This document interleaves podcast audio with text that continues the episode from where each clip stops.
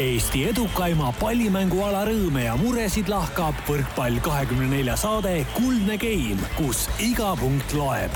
taustajõuna hoiab mängul hoogus ees Kredit kakskümmend neli tere, kallid võrkpallisõbrad, käes on veebruarikuu viimane saade ja samal ajal kui väike osa Eestist ootab vabariigi saja neljandat sünnipäeva, on suurem osa Eestist taastumas ühest teisest suurest sünnipäevast, mis on juba sel nädalal selja taha jäänud. nimelt täitus võrkpalli kahekümne nelja peatoimetajal Kertu Laagil eile kakskümmend neli aastat elu planeedil. palju õnne, Kertu yeah!! aitäh, aitäh! kas me laulame ka või? ei Karin Aldol on hea meel täna siis äh, nii suurt sündmust jagada koos sünnipäevalapse enda ning Mihkel Uibolehe ja Taavi Nõmmistuga Kodutänava stuudios äh,. noh, kuidas siis öeldagi kakskümmend neli, Mihkel, mis sina tegid, kui sa kakskümmend neli olid, ma vaatasin, ma avastasin su Instagrami, sest sa lisasid mind seal sõbraks või hakkasid jälgima, hakkasin vastu jälgima. kõik edasi nii interaktiivne nagu tänapäeval käib ja mida ma nägin, seal oli mingid retropildid.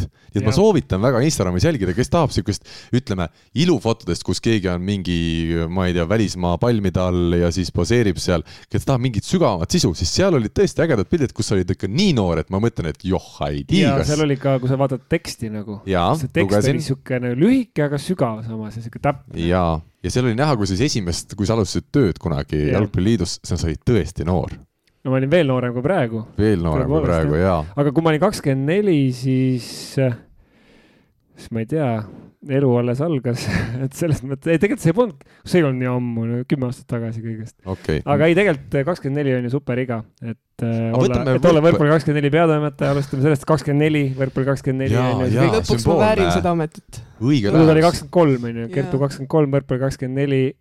noh, mhm. jah aga ei, tore ja vaadates, kui sa Instagramist juba rääg-, räägid, siis vaadates nagu neid suurepäraseid sünnipäevaõnnitlusi, mis Kertu Instagramis eile jagas eh, oma story's, et siis need olid päris toredad seal võistkonnakaaslastelt ja no. sai isegi seda vaadates naerda, ma usun, et Kertu sai väga palju naerda. väga palju, jah tundub, et teil telefonid ikkagi on kasutuses seal laagrites kas seda ei ole, et keelatakse ära telefone koondise laagrites või mingitel hetkedel? Alati mingi söögilauas, vaata mingites jalgpallivõistkondades näiteks on nii, et söögilaua taga ei tohi üldse nutitelefoni käepärast olla saada. jah, söögilaua taga tõesti ei tohi, aga noh, söögilaua taga ei olnud ka ühtki videot tehtud, selles mõttes need olid ikka muul sellisel vabal ajal ei ole veel käest ära võetud, jah selge, aga kahekümne nelja, võtame siis selles perspektiivis, et Gert on täna kahekümne nelja aastane võrkpallur ikkagi. Äh, Mihkel, millisel, kas sina oled oma tippu juba, oli mööda läinud sel hetkel, kui sa kakskümmend neli olid nagu võrkpalli mõistes? ja, ja minu tipp oli seal. seda ei tulnudki? siis, kui ma seitseteist olin. seitseteist tuuletorm. noor, noorelt, noorelt oma isiklikust tipust hakkas üks ilge allakäik, mis nagu praeguseni kestab. selge, väga hea, Taavi, sina kahekümne nelja aastasena, kas võib öelda, et sa olid siis juba oma kõik nagu võimed saanud kätte või sa alles siis arenesid, arenesid aastalt aastalt ja noh nagu.... jaa, päris äh, huvitav võib-olla tagasi mõelda, ma arvan, et siiamaani arenen, aga kakskümmend neli. ka võrkpallurina? muidugi. isegi nii, et sa ei mängi enam? see on mees. on trend teeb ainult kahju ju, see on ammu tõestatud aga kindlasti sportlasena see oli hea vanus, mina isiklikult olin siis võib-olla minema, olin Tartus ja minemas äh, Belgiasse äkki oma oma välis, välismängija karjääri alustamas. Äh, sealtmaalt selles vanuses hakkas tegelikult ka pere loomine pihta, nii et äh, Kertu paneme pinged peale. No pressure, no pressure. Lihtsalt mainin. ma ütlen, et Taavi ja Kertu istuvad täna laua otstes nii et nemad on nagu need juhtivad, kes täna ütleme, teevad, tundub saates neid tõelisi otsuseid ja tõelised, tõeline tõde tuleb sealt, mina ja Mihkel lihtsalt lisan vahepeal. jaa, see on nagu pereplaneerimine tuli saat-, tuli nagu laua otsast, et ei tore, me oleme ka ühtlasi nagu võrkpalli ja peresaade. aga võrkpall ongi üks suur pere ju jaa, sport on ka suur pere. ega mina ikka, ma tõsiselt, kuna on päris palju juttu ikkagi jalgpalliinimestega ja korvpalliinimestega, mulle tundub, et võrkpallis see, see võrkpall on oma alana natuke väiksem kui jalgpall ja korvpall või siis ütleme natuke. no okei okay. okay,, vabandust, Mihkel, kõvasti väiksem ja tänu sellele on selline kogukonnatunne ikkagi rohkem, kui on korvpallis ja jalgpallis, kus mulle tundub, et läheb nagu kohati noh, ei hooma enam seda suurust, mis no, aladel on Eestis. see on nagu nii ja natuke nii ja naa, aga ütleme klubisiseselt võib see olla nagu noh, see sõltub väga no, palju klubist, aga ma ütlen alaüleselt, noh, sellist olukorda, nagu ma võrkpallis olen näinud, kus äh, sama, kõigepealt mängib sama klubi naiskond, mängib kõrgliga mängu ja siis selle klubi naiskonna peatreener läheb vilistama kaks tundi hiljem algavat selle klubi meeskonna mängu ja tegemist on siis Eesti juhtiva klubiga, et sellist asja tõesti jalgpallis ei oleks võimalik ja sellele vaadatakse imelikult. võrkpallis on see, on see juhtunud, ma olen ise oma silmadega näinud ja keegi ei teinud mitte mingisugust kisa sellest. just, kuna ala ongi nii väike, et see on normaalne, et on sellised no, jah, seosed. jalgpallis isegi, kui sul on noh, keegi kaugelt või lähemalt sugulane või tuttav kuskil kohtunik või, või kuidagi see läheb kokku, siis on juba siuksed, vaadatakse suurte silmadega, aga seal oli siis tõesti jah, sihuke olukord jah, noh, vilistati see mäng ära ja milles, milles küsimus ei olnud midagi hullu nagu. no teine näide veel, siin just, no eelmine nädal selles suhtes me saime ikkagi Keit Puparti asemel, kes oli Marjun selline teatrimees kohalikus Grade kakskümmend neli Balti liigast, noh, tegi igast asju. nüüd on meil Artur Vintšelovitš Karkstai võistkonnast, kes teeb hundirattaid pärast punktivõitu seisul kuus-kaheksa.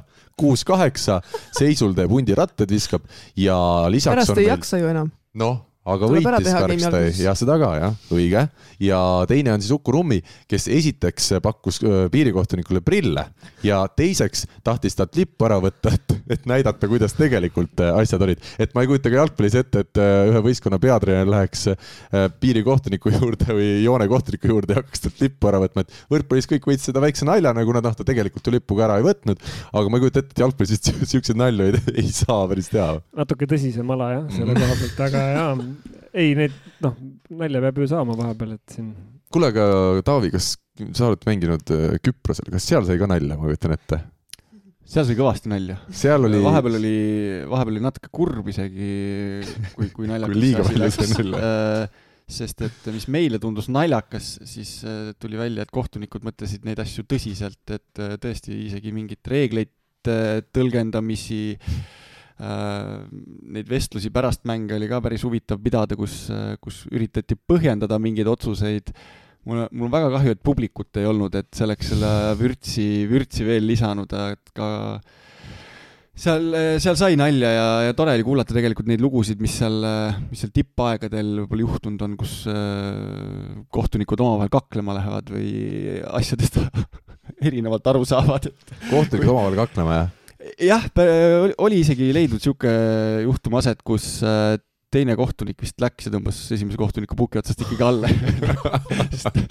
Mingid, mingid arusaavad olid erinevad. ilmselt nad olid erineva klubi poolt kinni makstud. Et, et need hundirattad ja, ja kõik sellised äh, prillide pakkumised, ma arvan, on, on tõesti väga lõbus vahepala, aga natukene lõuna poole minna, siis need asjad kisuvad tõsisemaks. Mulle tuleb muidugi meelde ka kohe see äh, Tartu eurosarja mäng siis Kaasaniga, kus äh, kohtunik tegelikult, ma ei tea, kas me rääkisime siin selles saates ka, kuidas kohtunik tegi ju pärast esimest mängu juba pilti kaasani äh, tippmängijatega, siis äh, kuidas nad ööbisid ühes hotellis, kohtunik ja, ja võistkond ja kuidas seal hotellis noh, käidi ka nagu koos söömas ja, ja seal taheti. imega veel samas toas emaga tahet, kohtunik. taheti isegi nagu väike võib-olla viinapits seal kergitada. ei, nii hull ei olnud. noh, selles mõttes, et ei noh, lihtsalt, aga noh, ma jällegi ei kujutaks ette, et pärast mängu mm., pärast meistrite liiga, jalgpalli meistrite liiga mängu läheks peakohtunik ja ütleks, et tere, Ronaldo, teeme pilti nagu koos, et noh, see kohtunik järgmist mm. mängu ei teenindaks enam. ega me ei tea ka sellest, mis sellest mehest saanud on, kes siin siis Mihhailovi autogrammi sai. töötab edasi rahulikult. on jah, aga, aga sulle, Mihkel, ikka meeldib nagu sedasi süvitsi minna selliste teemadega, et mina leian, et see, et äh, Uku Rummi viskas nalja, see, et äh, Vintšelovitš viskas hundiratast, et see kõik äh, annab alale juurde, mina nautisin tänu sellele neid veerandfinaale veel rohkem, kuigi me jõuame sinna täna, need ka veerandfinaalid ise olid väga, väga vägevad. kuidas sina sellesse suhtud? jaa, mul ei ole selle vastu midagi, et noh, see on teatud niisugune taluvuspiir ühel hetkel on, et kui sa kui sa ei muutu nagu siukseks vastikuks, et võib-olla see kohtuniku suunas mingite žestide tegemine ja see võib, noh, see, kui punkti tähistatakse hundirattaga või jumal teab millega, see on super. aga võib-olla see kohtuniku suunas, et noh, mingi hetkeni see on nagu sihuke tunnetatav äh, nagu sihuke lõbus veel, aga mingist hetkest alates ta läheb nagu siukseks vastikuks, et siis peab kohtunik natuke ka ikkagi karmimat häält tegema, aga, aga õnneks neid olukordi noh, on igal hooajal mõni üksik võib-olla, kus, kus see, kus see ette tuleb, et jaa, see vürst, no see on nagu iseloomuga inimene, Uku Rummi on iseloomuga inimene, ta annab äh, alale nagu värvi juurde, et noh, me võime rääkida nüüd sellest, et kas, äh, kas ka see annab alale värvi juurde, et äh, TalTechi naiskond oli kuni oktoobri, parandage mind, kui ma eksin, aga kuskil oktoobri lõpuni peatreenerita, ma ei mäleta, millal nad treeneri paika said, aga no nüüd on paigas juba. no nüüd on paigas, et, et selles mõttes, et noh, et me võime öelda, et, et see on nagu võib-olla see teine pool, aga, aga noh, ütleme nii, et, et see positiivne pool on, kaalub seal igal juhul nagu vast, vast ülesse, ma, ma loodan, et, et noh, jah. see, see, ütleme nii, et, et äh, naljaka, naljaka ja hale naljaka vahel on nagu äh, teinekord väga õhuke piir, aga see kindlasti, mis toimus, oli positiivne. minu küsimus on nüüd see, et mida saaks veel teha, et meil on nüüd ütleme, Uku seadnud oma, oma sellised märgid ette treenerina, nüüd Janis Sirelpuu tuleb ilmselt finaalturniiriks tagasi etteotsa. ma usun, Janis jääb suhteliselt tagasihoidlikuks võrreldes Ukuga selles rollis. aga Vintšelovitš on visanud hundiratta, mida saaks mängijad teha? Mina pakun kohe välja tagurpidi salto, kui keegi mängijatest pärast punktivõitu teeks. no peaasi, et teeb paremini kui Värnik tegi omal ajal siis. jah, või samas, kui on, kui on, ütleme, hooaja viimane mäng, ütleme Eesti meistrivõistluste finaalseeria viimane mäng ja pärast seda teed, siis on juba suva, kuidas läheb, sest hüppeliigas vigastus, sellest sa poole aastaga üldiselt ikka tuled välja. ja ikkagi... siis peab tõesti olema me Eesti meistrivõistluste viimane mäng, et noh, praegu et pigem praegu ärge finaalmängus ei tasu meid, nagu. head, head sõbrad, kes te kuulate meid ja hakkate nädalavahetusel mängima, et kui te hakkate tegema neid trikke, siis jätke need pigem jah, siin hooaja viimase mängu lõppu. siin ma nüüd muutun jälle liiga tõsiseks, et mm, -hmm. et siin ma nagu tasakaalustaks kohe, et proovime ikkagi kõigepealt võita mängud nagu ja mänguoskustega. jaa, ei pärast kaotust kindlasti pigem ärge visake hundiratast. ei, ma ei mõelnud loomulikult seda, aga ma mõtlesin lihtsalt seda, et proovige võib-olla mänguoskustega kõigepealt silma jääda, siis hundiratta peale. Karkstein kaotab null-kolm Tartule ja Vitšelovitš hakkab loom-. ei no aga kuule. Läheb saalist välja hundirattatega. aga mõtle, kui see nagu. kuule, see oli küll hea idee. kui nad tegid elumängu nagu. kuule, Karkstein, tõlke ära jälle, nii. aga kui nad tegid elumängu. kuus-kaheksa olid taga selles game'is, see oli neljas game. elu, elumäng, noh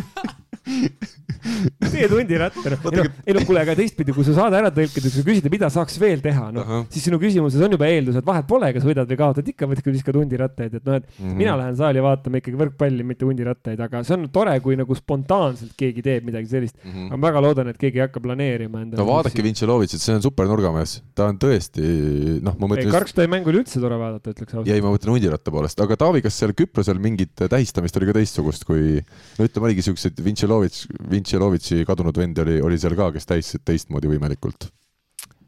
ei, päris siukseid võimlemiskavasid seal ei, ei hakatud tegema. võib-olla ei olnud ka kohalike meeste sportlik vorm selline, et oleks üldse võimaldanud hundiratast visata. no ega see Vintšelovitš ja hundiratas nüüd ka teab, mis see oli karuratas rohkem. see oli karuratas, jah. aga jah, neile omaselt Küprosel võib-olla oli sellist laulmist rohkem äh, ja, ja, ja EO, EO, pärast kuus-kaheksa kaotust sõidu jääda. selge. kusjuures äh, mul hundirattaga tuleb meelde, Kristiine Miilen on alati tahtnud selle ära teha, et yeah. lööb servi ässa ja tuleb hundirattaga kokku keskele. Aga... aga ma ei tea, kuhu see on jäänud siis. Pole ässa löönud. kuule, Kristiine meid äh, vahel kuulab, ma tean, aga pole ässa löönud, oli juba Taavi Nõmmistu. ai, ai, ai, ai, ai. ma loodan, et Kristiine seekord seda osa ei kuula uhuhu. sa pead panema selleks, sa saad hästi nagu pealkirja panna või sinna kuskile kokkuvõttesse nagu müüa, et Kristiine Miilen, NB, seda osa palun mitte vaadata. ei vaata seda Kristiine ei vaata meie saateid, ma võin öelda, sest meil ei ole täna ka videopildis seda tulemas. kuulata, ma, see on nagu see eelmise saate Tartu Ülikool ja Bigbank, eks ole. see oli hea nali.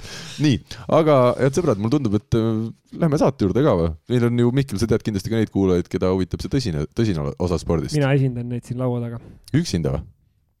no kas sa oled ässa kunagi löönud üldse, ma hakkan tõsiselt mõtlema oh,. Miilen lööb neid äh, toidu korra ette kõvasti, ja, ja kõvasti, järele, kõvasti. muidugi kelle vastu sa mängisid? Äh, ma ei tea, noorteklassis erinevate Pärnu ja mm. Rakvere mm. ja Narva ja ma ei tea. sellepärast polegi Rakveres ja Narvas enam mingit suurt võrkpalli meistriga tasandil. kindlasti mängisime. Robert Tähe vastu või? ei, võrkpalliklubi Täht mm,. no ma mõtlesin, et sa lõpetasid praegu Robert Tähe karjääri ka ära, kui. Robert Tähest ma ei tea midagi. selge. selle tähtsa sõnumiga läheme siis tänase saate esimese osa juurde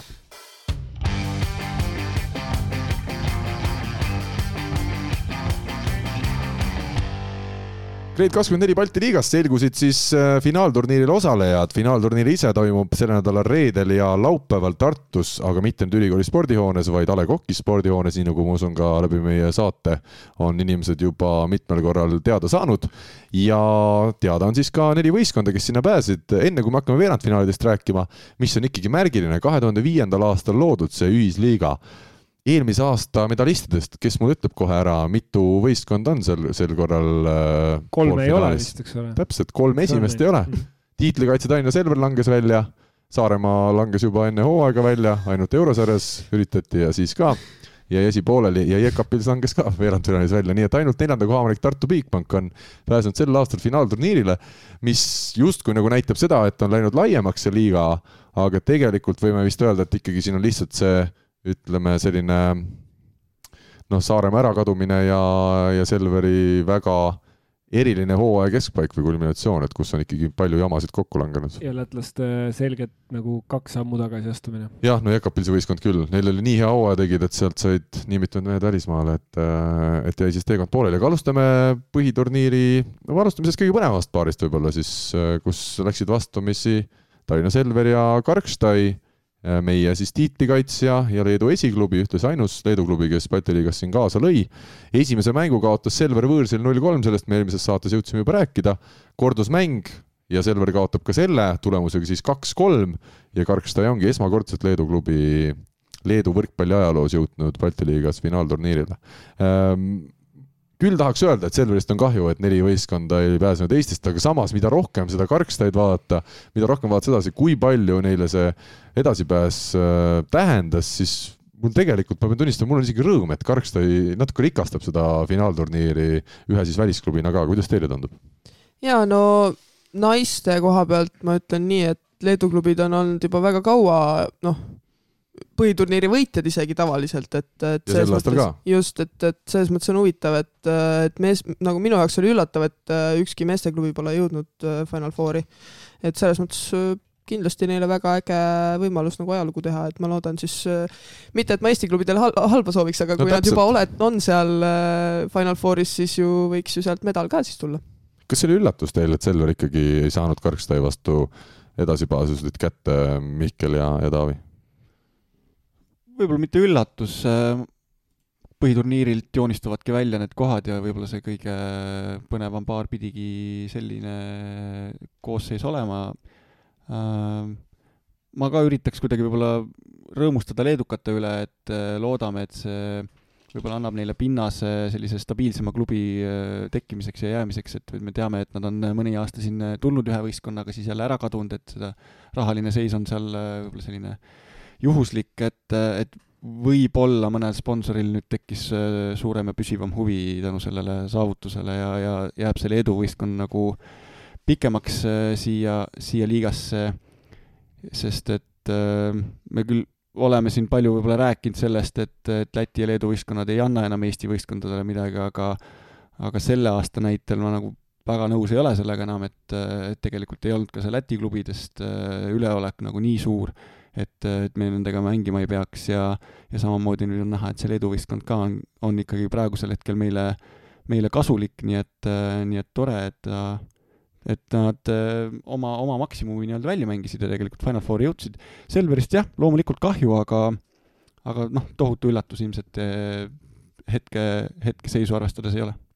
jaa, arvestades, kuhu Selver nagu liikus objektiivsetel põhjustel, kuna oli äh, oli ikkagi Renat Vankeri lahkumine ja siis ka sellistel võib-olla mitteobjektiivsetel põhjustel ehk nendest sõltunud põhjustel, et kuidagi see mängumasin, nad, nad ei, ei saanud käima, et seal oli muidugi jah, ta polnud ainus lahkuja, Renat Vanker, me oleme eelmises saates natuke põhjalikumalt sellest, sellest ka rääkinud, et see ei olnud jah, väga suur üllatus ja Karkstai põhiturniiri lõpus oli ka heas hoos suhteliselt ja nad jätkasid seda hoogu ja tegelikult nagu äh, selles äh, teises mängus siis, kus äh, Karlstai kolm-kaks võitis, seal oli, noh, see üldmulje oli ikkagi see, et nagu pigem Karlstai oli, hoidis nagu neid ohjasid nagu rohkem, et äh, jällegi Selveril ütleme, Orav ei saanud, ma numbreid ei ole vaadanud, aga lihtsalt see, mis jäi mul äh, saalis olles nagu meelde, et selline, ta ei saanud oma mängu käima ja seda oli näha sellised nagu ka see, see, see emotsioon kadus ära või see tuju kadus tal ära. et Lõhmus tegi talle omaselt nagu, nagu võimsalt pani, ütleme siis niimoodi, ja, ja üritas ja kõik, kõik see, et aga, aga sellest jäi nagu väheseks, et, et seal oli mingid, mingid lülid toimida, minul on kõrvalt raske hinnata, et kas see on nüüd koostöö sidemängija Ellermaaga, mis, mm. mis ei toimi oraval või, või on seal midagi muud, aga, aga noh, lihtsalt see, see masina, see masinavärk nagu seda üle ei elanud, et sidemängija muutus ja, ja veel oli seal väiksemaid äh, äraminejaid no ja ma ütleks ka, et ikkagi, kui me räägime edasipääsust, et täna Selver ja Karksaare kokkuvõttes olid ikkagi suhteliselt võrdsed klubid, et oleks seal Renet Vanker olnud, noh, oleksid ei loe, aga tore on alati arutada, ma usun, Renet Vankeri kohalolekuga saanuks Selver väga kindlalt edasi, et et see Karel Ellermaa liitumine on küll väga lahe, lahe minu arust sündmus, et ta tuli sedasi ja, ja võttis vastu selle väljakutse, mis, mis Selver talle pakkus. aga lihtsalt, kui sa ei ole ikkagi viis-kuus aastat tõsiselt äh, tegelenud sedasi, et sa igapäevaselt sidemängijana saad neid puuteid, et siis, äh, siis, siis see on arusaadav, et sa Renet Vankeri taset ei, ei saa ja ei tohigi mängida, muidu me, muidu peame mõtlema, mida Renet Vanker tegi kõik need aastad, et äh, ei klappinud just Oravaga ja, ja Orav tõesti teises mängus ei klappinud tal Ellermaa, kui jäi kord läks, jäi liiga kaugele tõsta, siis järgmine kord üritas Ellermaa nagu rohkem peale anda läks jälle liiga peale ja lisaks sai Orav veel kõik need rasked tõsted, mis tulid siis liberalt või kuskilt kaugelt kaitsesse üles toodud pallidelt. et ja Oraval tundus, et kaduski ära sellega see, see mäng ja, ja ei saanudki oma asja käima ja ilma Oravata me teame, on Selver ikkagi hoopis teine võistkond. mõtlen, et see hooaeg on olnud Selveril selline väga keerukas, need koroonateemad ja kõik muud asjad, et noh, kas, kas me võime öelda, et Andres Toobal noh, sattus selliste õnnetuste nagu jada otsa, mis ei sõltunud temast, või me võime öelda, et oleks siin saanud mingil hetkel ka võistkonnaga midagi teistmoodi teha, et kas see oli niisugune noh, paratamatus, et nii läks Selveril või, või oleks saanud midagi muuta? no ma ei, ma arvan, et ega kui sul läheb nagu võistkonnast põhisidemängija ära, siis väga ei ole vahet, kes sul seal treeneri kohal nagu on, et noh, see on ikkagi nii suur muutus võistkonna jaoks, et äh, võib-olla asi ei olegi nii palju selles taseme vahes, kindlasti selles ka, aga juba see, et see käekiri nagu muutub ja, ja mängijad peavad jube kiiresti harjuma uue, uue selle sidemängijaga, et see lööb neid kaarte sassi, ma arvan, piisavalt. aga pigem võib-olla küsimus ongi see, et kas Andres Toobalil oleks õnnestunud hooaja alguses natuke tummisem võistkond kokku panna, et täna ongi see küsimus, et me teadsime algusest peale, et kui ei ole Renet Vankerit, siis ongi sidemängija, teine sidemängija on noh, kogu austuse juures Sander Pärna vastu ei ole meeste meeste meistriliiga tasemel ja ma usun, et ka meeste esiliiga tasemel ei ole ta veel päris äh, õige mees, et. Andres tahtis ise mängima minna siis teise sidena. Yeah.. siin ongi huvitav, siin ongi huvitav see olukord, et kui sa vaatad, Tartu oli endale komplekteerinud äh, selliselt, et neil oli kogu aeg kaks, ütleme siis sellise tasemel sidemängijat, keda sa võid rahulikult Eesti ja, ja Balti liigas platsile panna, ehk alguses äh, siis Järv ja Eermaa, pärast nüüd Toobal ja Järv TalTechil on kaks sidemängijat ehk eh, Keel ja Eerma, keda sa võid eh, platsile panna. Pärnu nüüd ütleme, oli, oli probleemi ees, et neil ei olnud tegelikult sidemängijat, ütleme, oli, oli probleeme, nüüd on nad saanud, saanud putitanud ühe mehe üles, eks ole, kes, kes mängib, aga, aga neil on ka see nagu nõrk koht, et tegelikult nagu kahel Eesti parimal ehk TalTechil ja Tartul ongi selle koha peal kaks sidemängijat ja see võib-olla oligi mingis mõttes siis kvaliteedi vahe lõpuks, et see risk on alati, et ühega midagi juhtub, kas vigastus või, või siis juhtub positiivses mõttes, ehk siis läheb välismaale. aga ega Selveril jah, selles suhtes eh, ma tean, et ei olnud, noh, asi ei ole ju selles, et nüüd eh, Andres Toobal ei tahtnud, iga peatreener, ma usun, kellel vähegi mõistus on, tahab, et oleks sul võistkonnas kaks tugevat sidemängijat, et trennis juba see kvaliteet oleks korralik. aga no lihtsalt vahendeid ei ole, siis tuleb teha nii, nagu on ja, ja vähemalt Selveril, mis on hea, on see, et neil on oma ju ütleme, järelkasv ja neil on võimalik eh, noori sinna kaasata võistkonda, et ei ole päris nii nagu Pärnul, et sul ei olegi mitte kedagi trenni võtta, et, et, et vähemalt selles suhtes on Selveril paremad seisud olnud, aga jah, Selveril ju põhimõtteliselt ma julgen küll siin välja öelda, et ega hooaeg sisuliselt läbi, sest Estikate poolfinaalis tuleb vastu Tartu Bigbank ja no täna on Tartu ikka sellisel tasemel, et ma ei näe siin Selveril võimalust. ja see noh, see, et nad on ainsana võitnud Tartut äh, sellel hooajal, see, see ei oma, ei oma mingit tähendust.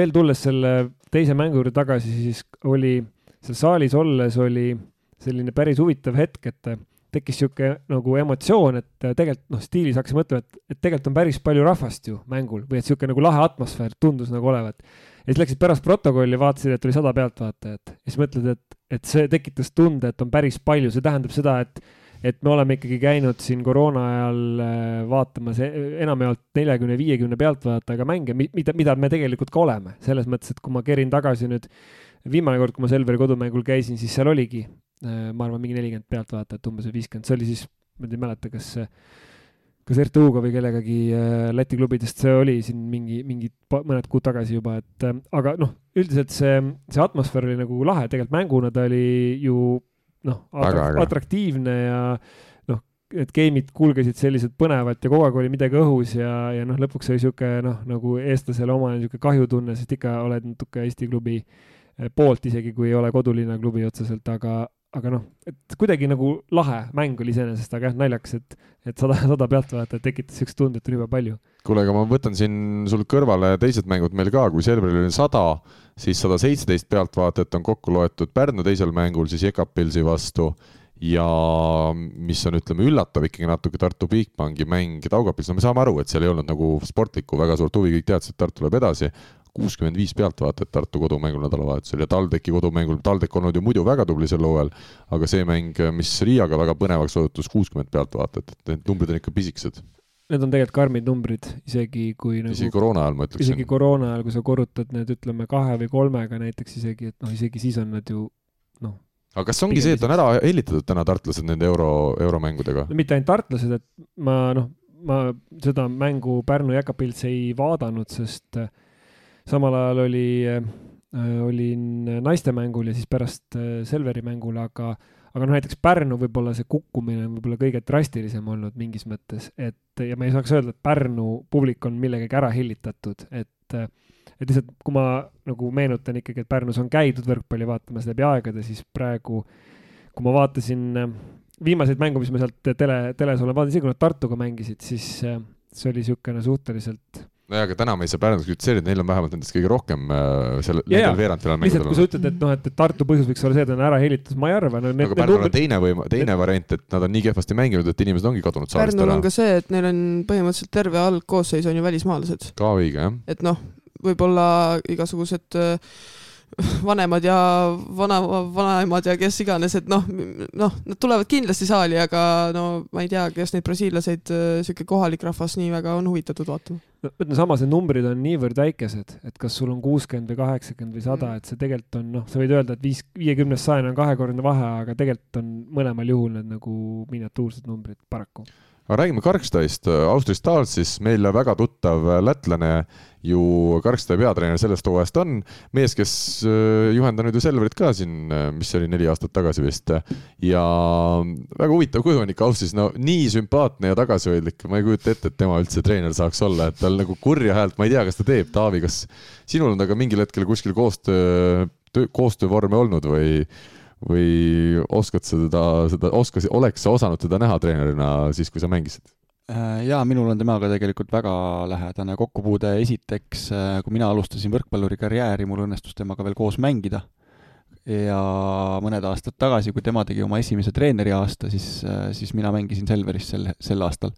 ja see oli raske aasta Selverile, ma tean, kokkuvõttes. see oli, see oli jah, kas just raske, eks me lõpuks ikkagi küllaltki vastavalt komplekteeritusele selle ka, ka kohad nagu saime, medalist me jäime ilma, noh, see oli selge, aga, aga Austris Stalsi esimene treeneri aasta, ega ta ei olnud ka ise lõpuks väga rahul ja et ta noh, ke-, kes meist ikka esimesel aastal kõik õigesti teeb, on ju, et, et ta tunnistas ka ise lõpus, et et väga palju asju, asju oli valesti ja oleks pidanud võib-olla veel rohkem mängijaid kuulama, sest et äh, et tema ise mängijana ei käinud tegelikult väga palju äh, ringi just erinevate, erinevates liigades, et äh, et mängijad sel hetkel, kes temal olid, võib-olla olid isegi, isegi rohkem näinud seda võrkpallimaailma kui kui tema. Ja, ja seda ta tunnistas lõpus, et, et tõesti oleks pidanud äh, võib-olla rohkem, rohkem kuulama ja, ja nõuandeid äh, kuulda võtma. nüüd on kindlasti ta omad järeldused teinud ja tegelikult juba mitu aastat saanud treener olla, aga ka eelmised hooajad oli, ta vist võttis üle Jelgava, Jelgava, just, et oli ta seal algul abitreener ja, ja, ja siis ka peatreener, aga aga tundub, et sellele võistkonnale siis, siis sobib, et kui Leedu, Leedu klubi ikkagi vaatab, vaatab naabrite juurde ja ei leia kodust endale treenerit, et et järelikult siis seal teda, teda hinnatakse ja sellele kooslusele ta sobib. Ja, ja kusjuures, kui seda kui seda Leedu satsi natuke veel vaadata, siis, siis ei ole üldse kuidagi juhuslik see, et nad nii kaugele jõudsid, sest et tegelikult ei ole seal üldse mingid poisikesed, et, et mõned mehed on ikkagi võrkpalli mõistes ka, ka häid ja, ja professionaalseid hooaegasid teinud, et kui me teame, Sloomin näiteks on ju ka Tartus mänginud ja on Prantsusmaa esiliigas mänginud, et on, on täitsa profihooaegasid teinud. Äh, seesama nurgamees Vintselovitš on tegelikult käinud äh, Austrias mänginud, äh, mitte küll tippliiga, aga vähemalt on professionaalse võrkpallurina käinud ka mujal, et et Selveriga võrdlusse panna, siis jah, kuidagi natukene tekkis see tunne, et ühes, ühes satsis on nagu mehed, teises võib-olla veel poisid, et ja, ja, ja tulemuses see ka kajastus, et et jah, nagu me enne ütlesime, tore, tore Stalsi üle, et on võib-olla leidnud endale mingi koha, kus, kus seda treeneri asja ajada temale sobivas tasemes ja, ja tempos, et et soovime edu talle. sellega ma olen täitsa nõus jah, et kokkuvõttes minu arust saigi Selverile saatuslikuks see kogemuste puudumine väljakul, mis ikkagi üürgas igalt poolt välja, et kui sa vaatad, kuidas Selveri mehed hüppavad ja, ja võimsalt ründavad, siis seal ei tohiks nagu küsimust olla, kumb edasi läheb. aga jälle need tähtsad momendid, seal, kus kogemused maksavad, seal, kus selline mingisugune mängukindlus äh, loeb, seal oli, oli lihtsalt Karkstai meeskond äh, selles veerandfinaalseerias kogenum. mis on huvitav, on tegelikult tänaste ju ütleme, ülemaailmsete sündmuste valguses see, et äh, Karkstail on neli ukrainlasest legionäri kelle kõigi eesnimi algab muide Ša-tähega, seegi huvitav fakt, aga, aga et äh, me ei tea, mis siin lähipäevil üldse toimub Ukrainas, et et, et loodame, et Karkstaja mehed saavad rahus, rahus tulla ikkagi mängima Tartusse neid, neid mänge ja ja oma täiskoosseisuga. Äh, Dmitri Slominit sa juba mainisid, sidemängija, kes siis Tartus mängis, mingit erilist muljet Tartus ta ei, ei jätnud, aga ütleme, ta ei olegi mingi supereriline mees, aga ta hoiab oma asju ikkagi üsna hästi korras ja, ja sellest ka veerandfinaalis Selveri vastu hästi piisas jaa, supererilised mehed ilmselt ei, ei mängikski selles võistkonnas enam ja, ja tegelikult ma ei tea ka väga täpsed Leedu võistkonna koosseisus, et äh, paljud töötavad ja paljud teevad seal professionaalina või, või no ma saan aru, et ikkagi kõik nad midagi teevad, võib-olla seal üks-kaks meest on, kas äkki Šlomin ja, ja noh, ukrainlased, et nad on ikkagi noh, nende selge ülesanne on seal võrkpalli mängida, aga neil on ka vist mingid sellised väiksed ülesanded äh, kõrval, aga, aga plaan on seda Tartu eel ka, Tartu selle finaalturniiri eel ka natuke välja uurida. et ma tean, et Austria Stahls peaks olema siis viis päeva nädalas äh, Leedus Karkstais neljateist tuhande elanikuga linn on muide Karkstai, nii et väga väike koht et ta on seal viis päeva nädalas siis võistkonnaga ja kaks päeva nädalas ta käib Riias äh, kodus siis äh, koduste juures ja, ja seal mingeid eraprojekte veel tegemas. Äh, mis on huvitav, et see Karkstad, nagu öeldud, väga väike linn, aga Austria Stasiga rääkisin, ütles, et täiesti kohutav. Et mina justkui eeldasin, et Karkstad, et seal on nüüd ainult see võrkpall, et näed, Leedu esiklubi, et vähemalt seal nad saavad rahus toimetada, ei ole. esikohal on Karkstadi spordihoones Leedu korvpalli kolmandas liigas mängiv võistkond kes otsustab, millal, kuidas, kes üldse saavad äh, lisaks nendele saali kasutada. teisel kohal on kohalik saali jalgpallivõistkond, kes mängib siis äh, kohalikus meistriliigas ja neil on seal kõik veel suured veebiülekanded, mistõttu siis see esimene mäng mängitigi Selveriga kolmapäeval kell üks päeval sest vist ei olnud Karkstel võtta ühtegi aega, neil õhtul ei ole, ei anta neile võimalust, seal on saali jalgpalli mingi meistriga mäng oli ja siis alles tuleb see Karkstai võrkpallivõistkond. Ja noh, Austria Stasi jutust oli ikkagi igalt poolt kumas läbi see, kui jalgeline see Leedus see võrkpall hetkel meestel on, et et tuli välja ju, et noh, koondise plaan ei ole ka kindlalt selleks hooaegs, et üldse välja pannakse, alles arutatakse, et kui me, me oleme nüüd Final Fouris Balti liigas, et äkki oleks aeg jälle Leedu koondis ka ellu kutsuda, et päris ikkagi erilised seisud on Leedus või kujuta ette, et Eesti koondis suvel ei mängiks? ja siis noh, selle kõige taustal see klubi jõudis siis selles Balti liigas nelja parema hulka mm. -hmm. et mida see näitab siis Balti liiga kohta, on mu küsimus, et ma ei, ma ei taha kuidagi sapine olla või midagi halvasti. aga samas neil on ikkagi neli legionäri, kes on ka üsna korralikul tasemel, pluss no, mõned Pärnul korralikud. ka neli või viis isegi, viis äkki isegi. jah ja no aga läheme edasi, läheme edasi. Äh, mis mulle ikkagi meeldis või, või tore on vaadata Daumantas Katinas, nende diagonaalründaja, tegelikult nurgaründaja, aga kuna neil ei ole võistkonnas ühtegi diagonaali sel hooajal, siis tema mängib äh, sellel positsioonil kakskümmend neli punkti pluss viisteist kordusmängus. jälle mitte midagi nagu pealtvaatajat, mitte midagi super erilist, aga väga stabiilselt ja hästi mängis oma asjad ära. minu küsimus nüüd on Karkstaja osas, kui nad hakkavad Tartuga mängima reede õhtul teist poolfinaali kell kaheksa, et kas nüüd äkki tuleb siis Karkstajale juurde ka see Leedu parim rannavoole tuua, tuua, keda me teame ka tegelikult saalist, Artur Vassiljev ja Robert Juhnevitš, Juhnevitš mänginud ka Pärnu võrkpalliklubis kunagi, et kui Stahls ütles, et tegelikult nad on lihtsalt nagu nimekirjas, et vahel harva on neid näha, et ega nad trennides ei käi, et ma usun, et äkki nüüd õnnestuks ka Juhnevitš ja Vassiljev tuua siia Tartusse kaasa ja see vähemalt kui ma ütleme poolfinaalis suurt šanssi neil Tartu vastu ei näe, siis pronksi mängus annaks juurde küll omajagu, et, et ei ole välistatud, et Karkstega medalisest saab, mina ütleks, et täitsa, täitsa head šansid on neil ka medal võtta, olete te enam-vähem nõus? mina olen põhimõtteliselt nõus, jah, mis on jälle nagu, nagu Miht ütles, võib-olla kurb tunnistada, et me paneme sellise võistkonna medali pretendendiks, et äh, ei, ei tahaks üldse niisuguseid asju siin öelda. aga, aga noh, oleme ausad, ka Eesti võistkonnad ei ole täisprofessionaalid, et, äh, et, et see, see on see, mis meil siin, äh, mis meil siin liigas toimub ja seal võta või jäta nii-öelda. aga äh, aga leedukate puhul äh, jah, ma ei tea, kas need paar meest, kui nad ei ole ka nagu trennis kohal käinud, kas nad juurde annaks võib-olla head vahetusmehed äh, mingeid rolle täitma, sest tegelikult ju toimiv koosseis äh, leiti, ma arvan, et see emotsioon on väga hea praegu, et, et suurt puudust neist ei ole, aga aga kindlasti head täiendused oleks nüüd on äh, Tartu Bigbank siis põhiturniiri võitja nende vastaseks selles samas teises poolfinaalis, nii nagu öeldud sai. ja tartlased alistasid siis kahel korral Taugapilsi, kui avamängus äh, juhtus selline väike tööõnnetus ja üks game kaotati, siis kordusmängus kodus ikkagi kolm game'i väga kindlalt ja see mäng kestis umbes täpselt tund aega, kakskümmend viis, kümme, kakskümmend viis, neliteist, kakskümmend viis, neliteist. ma usun, meil ei ole Tartus midagi väga palju pikemalt rääkida, seal põhikoosseis on nüüd olemas, Martti Juhkami ka, kes esimeses mängus sai puhkust, sai täismängu kirja kuusteist punkti pluss kaksteist, tundub, et temaga on kõik hästi ja ja, ja paistab, et tartlased saavad kodusele finaalturniirile minna vastu oma parimas koosseisus. loodame ja kümme punkti vastasele anda on ükskõik mis tasemel päris omaette saavutus. jah Äh, läheme siis nüüd selle teise poolfinaalpaari juurde ja alustame siis nendest veerandfinaalidest. Pärnu võrkpalliklubi esimene mäng Ekapilsi Luuži äh, Läti eelmise hooaja esiklubi vastu ja Balti liiga pronksi vastu võitis siis kolm-üks Pärnu võõrsil ja kodumängus saadi no ikka väga-väga-väga raskes äh, mängus kolm-kaks võit. ma ei saa täpselt aru, kuidas Pärnu nii tasavägiselt sai Ekapilsiga mängida, mulle tundus küll, et Pärnu peaks kodus võtma oma kindlamalt, aga seda põnevam see võrkpall on. selles teises mängus siis üheksateist punkti Gabriel Cavalcanch lõpuks ometi avanes brasiillasest nurgamees ka rünnakul, nelikümmend kaks protsenti tema rünnaku efektiivsus, viis plokipunkti, et äh, ma ütlen ausalt, ma Pärnu mängu nägin, vaatasin tagantjärele selliseid üksikuid hetki, aga ma täismängu ei jälginud, et äh, saab nüüd näha, kas Cavalcanchil selline selline minek jätkub ka poolfinaalis, aga, aga jah, Pärnu on ikkagi finaalturniiril ja seda mitmeaastase pausi järel kokkuvõttes õnnestumine, aga medal on kindlasti ka endale eesmärgiks. vaatasin kordusmängus oli siis Richard Voogel esimesed kolm geimi platsil ja alles siis tuli Jean Mauricio äh, tema asemel, nii et kaks viimast geimi ilma Voogelita võideti, esimesest kolmest geimist siis üks võideti.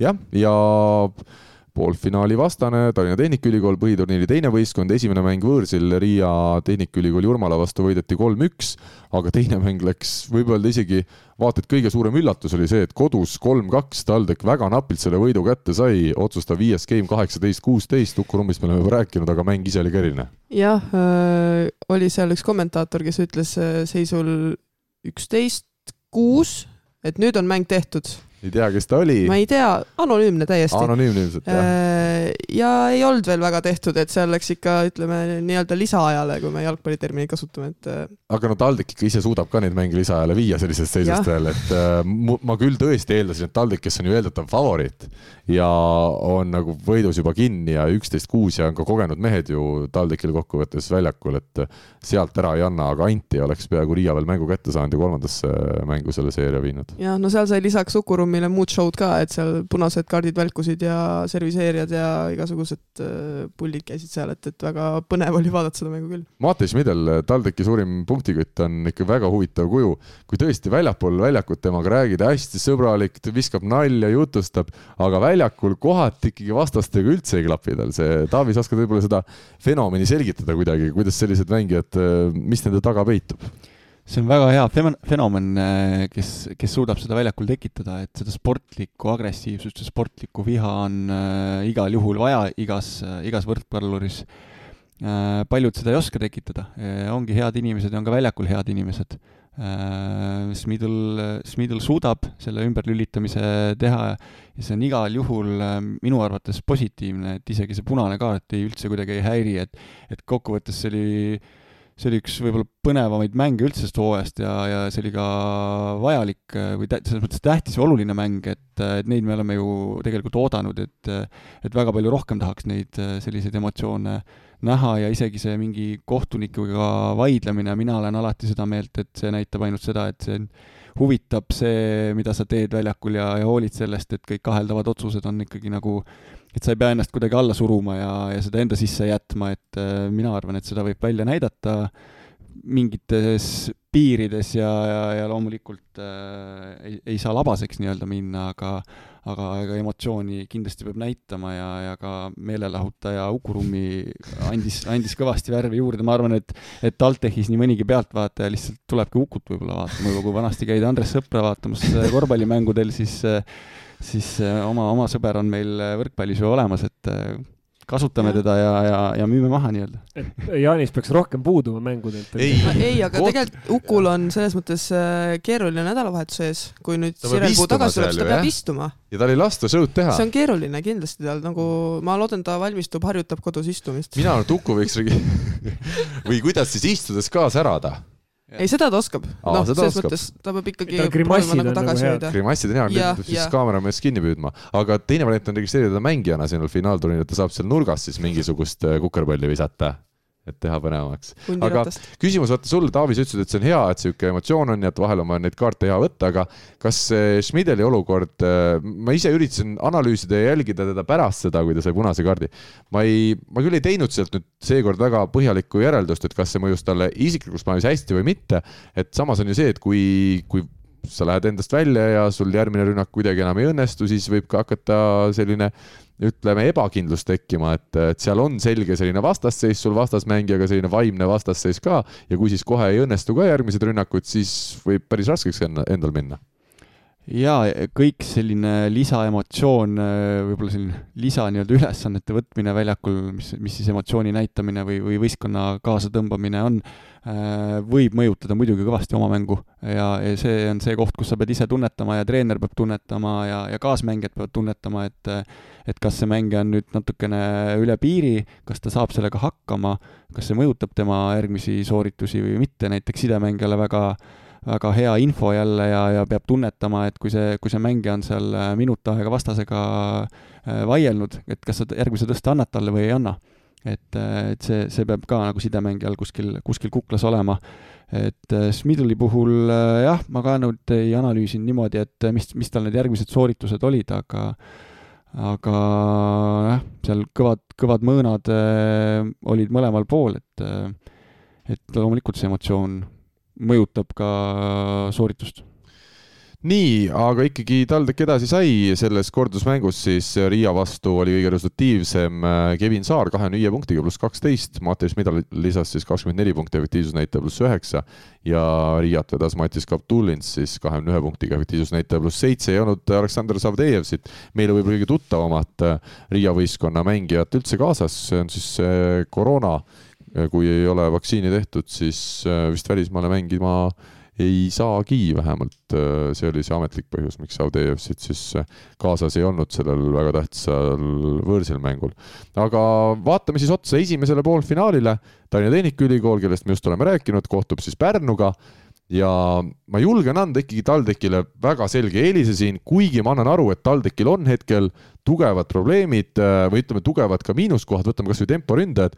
kui Mihkel Tanilat ei ole ja Bo Graham on ära läinud, siis kogu austuse juures jälle Jan-Markus Üpruse ja Sten Berilluse vastu ei ole seal ei rünnaku jõudu nüüd meeletult palju ega ka no liiga palju sellist ploki kvaliteeti. ma olen nõus, et plokis nad on, ütleme, paremad kui rünnakul äh, ma ei tea, kas Üprus on, aga noh, Perillus ikkagi plokis on, on enam-vähem, aga noh, keskelt jääb neil selgelt nõrgaks just võrreldes ka Pärnuga. aga kokkuvõttes üldseis on see, et TalTech on selles paaris favoriit, seal on nii palju kogenud ja tasemel mängumehi. nõus, äh, need kaks võistkonda on tulnud üksteisele selgelt lähemale võrreldes hooaja algusega, et kui me, mina viimati siin saates olin, siis me arutasime natuke seda Pärnu rasket äh, olukorda, mis, mis oli sel hetkel võib-olla natukene keerulisem kui teistel veel ja, ja siis ma ka ütlesin, et, et kindlasti Pärnu sellest taastub ja, ja medalimängudes äh, kaasa lööb ja nüüd nad on, äh, nüüd nad on seda juba tõestanud päris, päris, päris lühikese ajaga. Äh, anname sellele masinavärgile veel natukene aega koos treenida ja mängida ja ja hooaja lõpus võivad nad ka istikatel olla ikkagi nagu päris, päris arvestatav jõud. aga praegu jah, jätkuvalt veel mina ka TalTechi ikkagi peaks soosikuks, kuna kuna nad on ükskõik mis koosseisudega isegi nagu rohkem kokku mänginud ja, mänguaega on saanud seal paljud, et vahet ei ole, mis, mis tempoosakonnaga nad tulevad, et kõik on tegelikult oma, oma minuteid seal ju, ju saanud ja ja komplekteeritud on nad, on nad ka nii, et, et see finaali koht peaks olema ikkagi nagu miinimum ees, eesmärk neil. võtame positsiooni kaupa kui diagonaalründes TalTechil Schmidel ja Pärnul Uuskari, noh siit peab minema Schmidelile, kuigi Uuskari on tegelikult üsna stabiilset hooaega teinud ja kui sa vaatad üldpunktide arvu, väga korralik, aga noh, Schmidel tundub natukene teisel tasemel ikkagi kui Uuskari. Siis sidemängija kohal selge eelis TalTechile, olgu seal siis Marti Keel või Aleksander Eerma, ei ole ei Voogel ega Joe Mauricio päris sellel tasemel nagu, nagu TalTechi duo. nurgaründajatest on, ütleme, natukene võib-olla tasavägisem see seis, seal ikkagi äh, Saar, Tamme ja vajadusel Meius TalTechil ja pärnakatel siis Kavalkans ja Žukov samas minul jätkuvalt ei ole see Kavalkants jah, veel väga suurt muljet jätnud ja Žukovil on ka oma selged nõrkused, miks mistõttu ma peaksin pigem äh, nurgarüntajate positsioonil ka seda TalTechi Eesti triot tugevamaks, kuidas teile tundub? jah, need äh, Pärnu nurgad on nagu jätnud niisuguse natuke ebastabiilse mulje võib-olla, et, et ega me seda Cavalcanti ei ole väga pikalt näinud ka, aga aga ma arvan, neil oleneb suuresti ka sellest nagu, kuidas neil tol päeval välja tuleb, et, et võib-olla jah, ma oleks võib-olla natuke üllatunud, kui nad tõesti mingit väga säravat mängu näitaks, selles mõttes küll, et aga, aga samas ka TalTechi poolel äh, noh, ei ole mingite superstaaridega tegemist, et ma arvan, suht-suht võrdne selline äh, komplekteeritus selle osa pealt. räägime sellest Kevin Saare rünnakust. ma usun, Kevin Saar ei pahanda. tõesti, aga need rünnakud lähevad ikkagi diagonaali, diagonaali, diagonaali, diagonaali ja siis läheb üks rünnak ka diagonaali.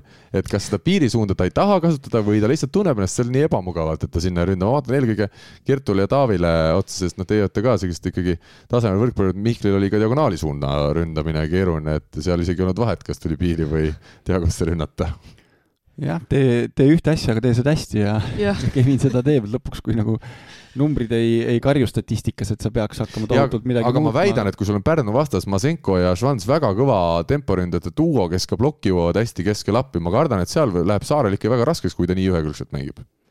jaa, võimalik. Äh, noh, ma ei ütleks, et tal üldse seda piirisuunda olemas ei ole, ta on, on võimeline sinna, sinna kasutab lihtsalt hästi vähe. ta lihtsalt ei kasuta et äh, et jah, võib-olla tõesti on äh, natukene, natukene ühekülgne, aga, aga seni, kuni numbrid äh, statistikas läbi hooaja ei, ei ole nii kriitilised, et seal sekkuma peaks, siis siis ei ole vahet, mis sa, mis sa seal teed. mulle tundubki, et see sõltub tasemest, et kui sul tuleb Tartu Bigbank vastu või siis saab näha, kuidas nüüd Pärnuga on, et noh, Tartu vastu, nemad on juba nii kvaliteetse ploki ja kaitsemõjuga võistkond, et kui, kui üks võistkond või üks mängija nii ühekülgselt tegutseb, siis nad suudavad selle nagu taktikaga kinni võtta, et saab näha, kas nüüd Pärnul see õnnestub või mitte. sest ma arvan, et see on päris oluline. Rauno Tamme, ütleme, tõsteid nii palju ikkagi ei saa kui Schmidel ja Saar keskmiselt. kõik teavad, et Schmidel saab niikuinii palju tõsteid, aga seal on vaja Schmidelile ka abi kuskilt mujalt, et et, et kas seda Saarelt siis tuleb, ma arvan, see on üks huvitavaid asju, mida seal poolfinaalis vaadata. jaa, no ma ei tea, kas Saar on nagu läbi oma karjääri löönud ainult diagonaali, aga, aga noh, sel hooajal võib-olla ma lihtsalt omast kogemusest tean, et kui, kui trennis äh, noh, ütlemegi äh, lööd nelja pealt, äh, võib-olla tempomehed ei ole nii kvaliteetsed ja kui trennis jääb, need diagonaallöögid jäävad maha, sest tempo näiteks ei jõua plokki või kuidagi sealt kätest saab ära lüüa, siis noh, see harjumus jääb sisse tahes-tahtmata, et, et võib-olla tõesti Pärnu või Tartu suguste võistkondade vastu peab hakkama teistsuguseid lahendusi otsima Läheme lõpuni oma selle võrdlusega. kui me libero kohta vaatame, siis noh, Silver Maar, julgen öelda ikkagi täna Eesti liigas parim libero, kuigi eks halbu mänge võib ka temal vahel sisse sattuda. aga samas ega ka Kris-Karis Lepp ja tema siis asendusmees Alari Saar ei ole selline nõrk tuua, et äh, TalTechil on see võimalus tänavu, mida teistel Eesti klubidel ei ole, et kui tõesti ühel liberal peaks olema halb päev, siis ta on teise väljakul jaa, ja mida ei taha tegelikult veel ära unustada, on see, et meil on tegemist nüüd äh, ikkagi sellise emotsioonitiitliga ühest mängust sõltub äh,, seal võib Just. neid üllatusi nii palju juhtuda, et mis, mis teeb selle asja vaatamise ka väga, väga põnevaks, aga isegi sellest vaatevinklist annaks äh,, annaks eelise TalTechile, et, et mulle tundub, et see keemia kuidagi seal on, on, on lihtsam äh, tekkima kui, kui sellel kirjul Pärnu võistkonnal et, et ka see emotsionaalne pool võiks olla TalTechi pluss ja kindlasti ma julgen öelda, et on äh, Pärnul mingisugune X-faktor selles paaris ikkagi olemas. meil on välismaalased, keda me väga hästi ei tunne. Äh, nad lähevad iga mänguga esiteks paremaks, kui me vaatame Joe Mauriciot ja, ja vaatame seda Cavalcanci, ka Žukov ka kokkuvõttes on teinud korraliku hooaja.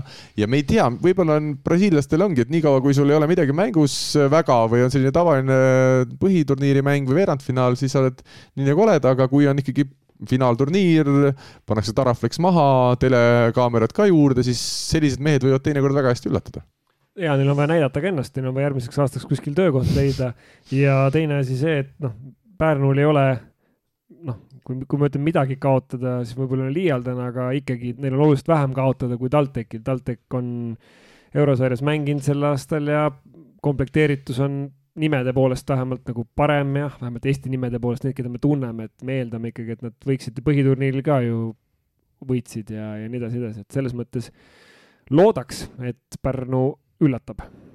serv on minu arust ikkagi hästi oluline asi, aga samas, kui me seda paari vaatame, Pärnul on Schwanz väga hea servija Äh, TalTechil on nüüd Martti Keel väga hästi jälle servima hakanud. Schmidel on selline, et kui tal on hea päev, tal võib väga hästi õnnestuda, aga siin ei ole, ütleme, kumbki võistkond ei ole stabiilselt väga võimsa serviga, et et nüüd oleneb jälle sellest, kummal tol päeval see serv parem on, et siin ühtegi eelist nagu kohe ei julgeks kummalegi anda.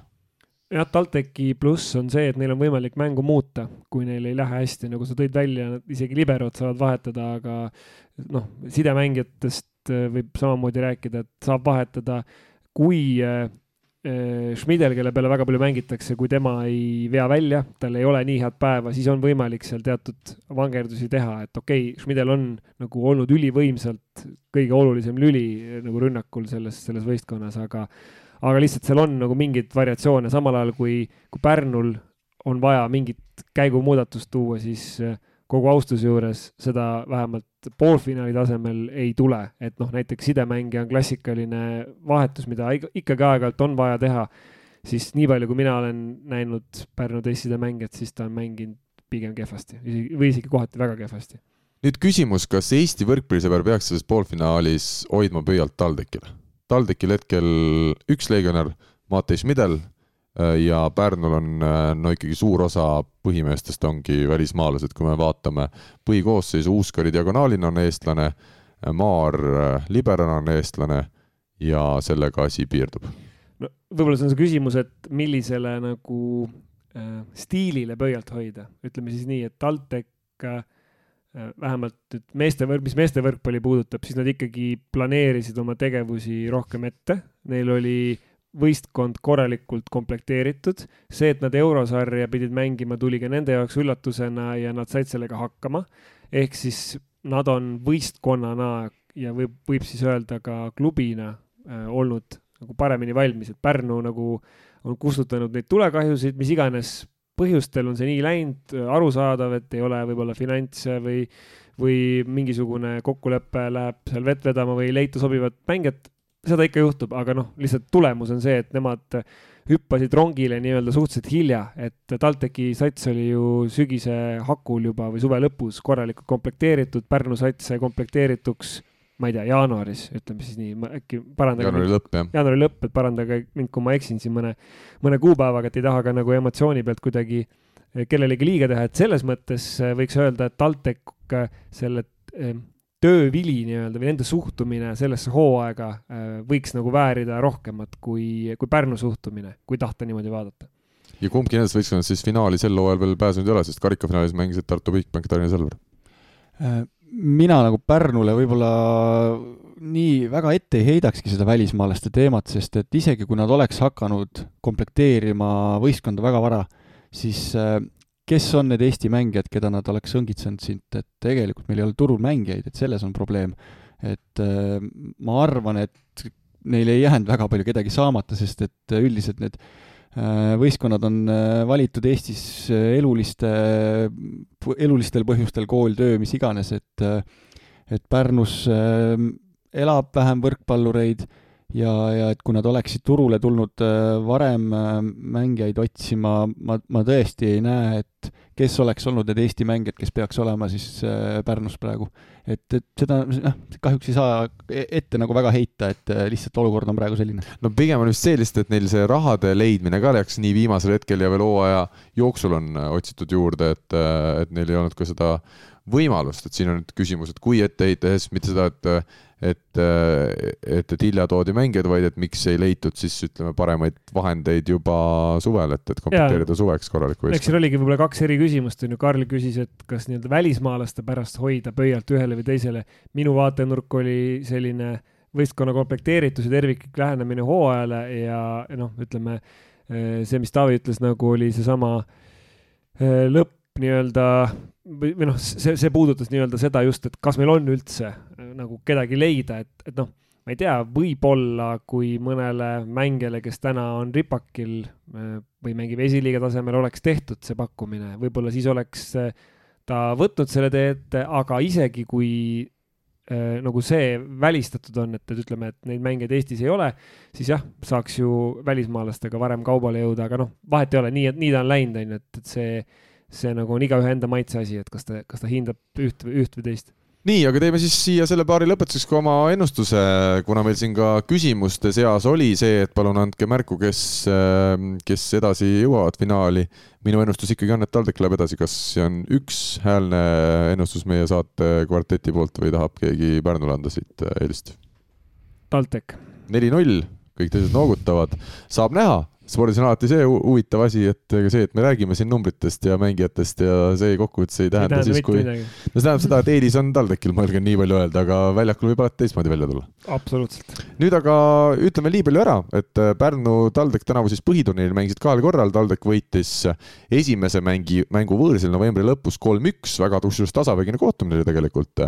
aga teine mäng siis, no sellest ei ole mõtet põhjamalt, põhjalikumalt rääkida, sest see oli see veebruari üheksandal kuupäeval, kui TalTech pärast pärast äh, seda eurohooaega andis seal meestele jõusaalipäeva ja, ja paljud mehed olid siis puudu, Pärnu võitis selle mängu kindlalt kolm-null, aga nüüd siis uus mängija ja saab näha, kes finaali jõuab. teine poolfinaalpaar, Tartu Bigbank ja Karkstai Ämber Arlanga siis. Karkstaist oleme täna palju rääkinud, Tartust vähem, aga Tartu puhul minu arust väga huvitav küsimus. kuna ta on tõesti suur favoriidid, siis siin tuleb juba see mängu, et nende suurim vastane minu hinnangul ongi nemad ise ja see favoriidikoorem, mis neil on peal on, sest kui nad võidavad kuldmedali, keegi ei tule neil meeletult rõõmsalt ilmselt juurde, et fantastika, mida te suutsite. pigem on see, et neil on kohustus see võit ära võtta just selle, selle paari teebki, noh, sportlikus mõttes ma arvan, et seal ei ole väga palju, ei tohiks olla vaadata, aga selle teebki põnevaks just see, et, et Leedu võistkond on põhimõtteliselt oma, oma tippu juba saavutanud, nad on, nad peaks olema juba äh, rahul, rõõmsad ja, ja pingevabalt mängima tulema, samal ajal kui Tartul on äh, päris korralik koorem tegelikult, et et mänguliselt jälle ei tohiks küsimust olla üldse, et nad selle finaalturniiri võidavad aga, aga just see, see pinge all äh, mängimine kodu, nii-öelda kodusaalis, äh, mis päris, päris kodusaal vist ei ole, aga no just et, see veel juurde, et nad ei mängi ju ülikooli spordihoones, jah? et kuidas sellega hakkama saadakse, aga, aga see on tore, see kasvatab, kasvatab neid mängijaid äh, ja, ja ma arvan, et kõik tahavad ju selles olukorras olla, kus sa oled heas võistkonnas ja, ja sul on see koorem nii-öelda. seda ütles väga ausalt ja otse Alar Rikberg ka ju meie saates siin välja, et tegelikult see pinge on olemas ja, ja sellest on vaja nagu võitu saada.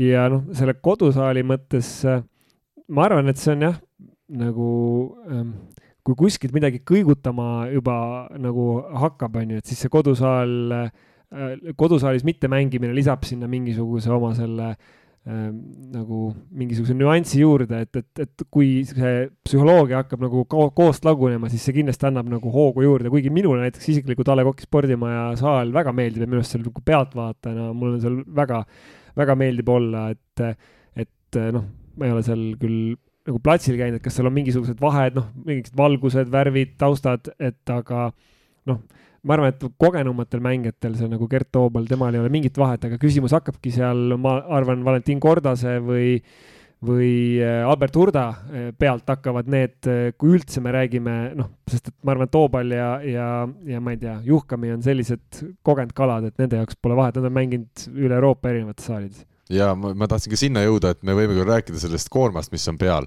aga samas võib ka teistpidi võtta, ma usun, Gert Toobal, Rait Rikberg nendest alustades, need mehed hoopis naudivad selliseid medalimänge rohkem ja nemad just saavad siit veel energiat juurde. teine küsimus on jah, noored mängijad, aga mulle tundub täna ka nii, ütleme üleüldiselt jah, kogenud võistkond, võtame siin veel juurde Kevin Soo, võtame Martti Juhkami lisaks Rikbergile ja Toobalile, et no ei tohiks küll, vaata, mis nurga alt tahad, vähemalt poolfinaalis ei tohiks küll mitte mingit küsimust tekkida, Tartu peaks selle mängu võitma ja võitma kolm-null. küsimus on ainult nagu võib-olla natuke jah, vormi ajastamises ja paraku tänapäeval tuleb öelda ka koroonajuhtumites. seda me muidugi ei tea, jah. seda mis... me ei tea, aga ma arvan ka nagu siin, ma, kui tahta nagu ennustada, siis kõige tõenäolisem oleks, et Tartu võidab kolm-null nii poolfinaali kui finaali. aga kaks korda on siis mänginud nemad ka põhiturniiril, Tartu ja Karkstai ja tõin või võtsin siin välja ka, esimene mäng novembri lõpus, Tartu võitis kolm-null võõrsil, seal ei läinudki põhimõtteliselt mängus. kuusteist, kakskümmend kaks ja kakskümmend punkti sai Karkstai ja teises mängus siis kolmeteistkümnendal veebruaril võttis, võttis Tartu kodus kolm-üks võidu. Ja noh, seal oli natuke rohkem seda tasavägisust, eriti kahes viimases game'is, eelviimase game'i siis Tartu lausa kaotas kahe punktiga, viimase võitis kakskümmend seitse, kakskümmend viis. Ja Austria Stars siis tõi ka väga selgelt esile just Valentin Kordast, mis võib-olla natukene üllatas, et, et, et Kordast esile tõi, aga samas, kui me vaatame, kuidas on Kordas Karkstai vastu mänginud, esimeses mängus neliteist punkti ja teises kakskümmend kuus punkti, et siis hakkad täitsa aru saama, et Kordasel on kuidagi Karkstai vastu eriti hästi õnnestunud. aga jällegi siin ka see punktiküttide minu arust teema, kui meil TalTechis on väga selge see, et niikuinii Schmidl saab palju tõsteid, niikuinii Saar saab palju tõsteid, siis mina täna ei julge üldse ennustada, kas Gert Toobal hakkab finaal või poolfinaalis, finaalis, kus iganes nad siis mängivad, ähm, kas ta hakkab äh, seal kedagi eelistama, ma arvan, et see läheb suhteliselt tasavägiselt kokkuvõttes ja ta leiab need õiged mängijad äh, üles, kes, kes tol päeval rohkem tõsteid väärivad või, või vajavad minu meelest sa enne ütlesid väga lihtsasti kuidagi selle Tartu ja selle Karkstaja paari kohta, et Tartust pole mõtet nagu eriti rääkidagi, et nüüd me räägime päris pikka aega, et ma jõuan ikka sinna samasse kohta, et nagu neil on hetkel kõik väga hästi ja tuld jaa, me tõesti peame kuidagi nagu väga otsima mingeid põhjusi, et kuidas äkki Tartu võiks kaotada selle finaalturniiri, et et pigem on, pigem on see jah küsimus, et kas, kas me leiame mingi, mingi konksu kuskilt, et et tegelikult on ka pingi pealt isegi Tartul võtta mingeid mehi juurde veel, võib-olla kvaliteetsemaid kui, kui mõnel teisel võistkonnal, kes kes, kes ka tuld saaks kustutama tulla, et, et kas ka see on neil nagu tagatud ja just, et Gert Toobal leiab ka kindlasti väljakul need mehed, kes sel hetkel kuumad on, et no me ei leia kuskilt, me ei leia hästi kuskilt. raske on jah. vähemalt siit stuudiost meil ei õnnestunud no, leida. aga see on ikka see, et kui noh, ma toon jalgpalli näite, kui Inglismaa mängib San Marinoga, siis nagu noh, Inglismaa on kogu aeg niisugune favoriit, et sellest kümnest korrast võib-olla üks läheb ikkagi nagu keeruliseks alati, sest noh, mis iganes põhjusel saab esimesel minutil keskkaitse punase kaardi kogemata on ju inglastel, et noh, siin ka mitte, et äh, nüüd punase kaardiga siit kohe väljakult eemaldatakse võrkpallis, aga, aga mis iganes võib juhtuda, et noh, kummalisi asju, aga nagu jah, see, see tähendaks nagu mingit revolutsiooni, et, et ja revolutsiooni me plaanime, me ei plaani, tähendab nädalavahetusel Tartus, et seal on teised paigad praegu maailmas, kus revolutsioonid toimuvad, et jätame Eesti kõrvale. mul tuleb meelde siin, kuna sa mainisid sellest, et äh, seda, et võrkpallis noh, vähemusse sa ei saa jääda, aga, aga kui Schmidl sai punase kaardi, see oli, tal oli kollane kaart all, siis ta sai punase, siis sa kaotab võistkond ühe punkti siis selles game'is, aga kui nüüd mängija peaks saama teist korda punase, siis tema jaoks on mäng lõppenud. Ma olen nii aru saanud, peaks vist olema, Taavi kuidagi mõttekalt vaatab, sa ei olegi punaseid nii palju saanud, et sind ära oleks aetud saalist, isegi Küprosel mitte olen saanud. oled saanud olen saanud, ei salga äh,. olen ka pärast mängu saanud kuidas see juhtus? no läksid arutama kohtunikuga nii, millal see oli siis juba kuskil saunas olid? ei, äh, kusjuures see oli äh, Šveitsis hoopis? jaa, äh, seal võib-olla oli konkreetsem kohtunik, ütleme siis. mis hetkel siis, palju see mäng oli läbi saanud? mäng oli lõppenud. ja kohe läksid? Äh, jah, tema tuli puki otsast alla, läks oma seda asja lõpetama ja kas sa, kas sa tõmbasid ta alla sealt või ta tuli alla? ta tuli ise, ta sai ise alla, jaa. nii, ja siis sa ütlesid talle, kuidas sina nägid, et see ma avaldasin arvamust, jah. aga, aga tagasi vaadates, kas sa olid, olid siis liiga emotsionaalne või? kusjuures ei olnud, sest see oli olnud tõesti tol hetkel oli tema ainuke inimene saalis, kes ei näinud ühte konkreetset hetke, äh, mis maksis meile game'i kaotuse, oleks maksnud peaaegu terve mängu võib-olla kehvemal juhul, ja, ja kuna, kuna see viga, mis ta tegi, oli nii ilmselge, siis noh, ilmselgelt ei saanud seda kuidagi jätta nagu äh, mainimata, mainimata talle. talle jah, ja aga, aga ta ei viitsinud kuulata väga. aga mis siis juhtub pärast mängu, saad punase, siis ei juhtu midagi ju? või, või kandus see edasi kuskile? ma ei, ma ei tea. vastased võitsid kahekümne kuue punktiga viimase ah, Šveitsis. aga nemad võitsid, Taavi võistkond lõpuks võitis, ma saan aru. Šveitsis minu teada oli see kuidagi veel sihuke, seda pidi kuidagi seletuskirjaga kuidagi selgitama isegi pärast või, või. ja õppealajuhataja juurde läksid pärast. pärast tunde jäeti ei, et, et et jah, ega ta seal mängu, mänguliselt midagi ei, ei muuda minu arust, et ma, aga, aga sa küsisid selle Smiduli juhtumi kohta, et mis oleks siis see järgmine samm äh,. Kusjuures päris huvitav, et ei ole ise nii peensusteni kursis. minu teada on teine, teine punane kaart samas mängus tegelikult oleks. on seal ju game'i lõpuni eemaldamine ja, ja mängu lõpuni eemaldamine on erinevad asjad veel, et seal mm. on veel siis punasele võib järgneda siis kollane ja punane koos.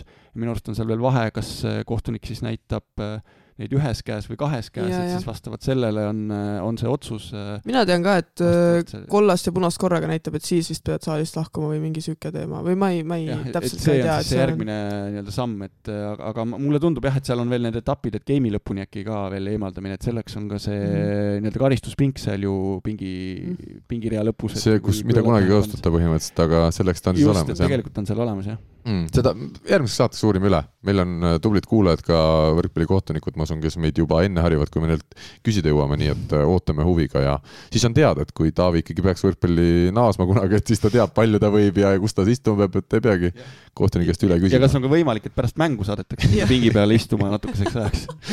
Nii, aga kui me teame, et äh, reedel siis ähm, on esimene mäng kell viis ja teine kell kaheksa ja teine mäng on siis Tartu mäng Karkstaiga, siis äh, ma saan aru, et meil tuli ükshäälne neli-null siin, et Tartu läheb finaali, aga teeme siis läbi, kui peaks pronksi mängus minema vastamisi Pärnu ja Karkstai, kummale seal eelis anda, päris ausalt, ma arvan, et äh, pigem Pärnule, aga palju sõltuks ka sellest, kui pikad ja millised on need eelmise õhtu mängud.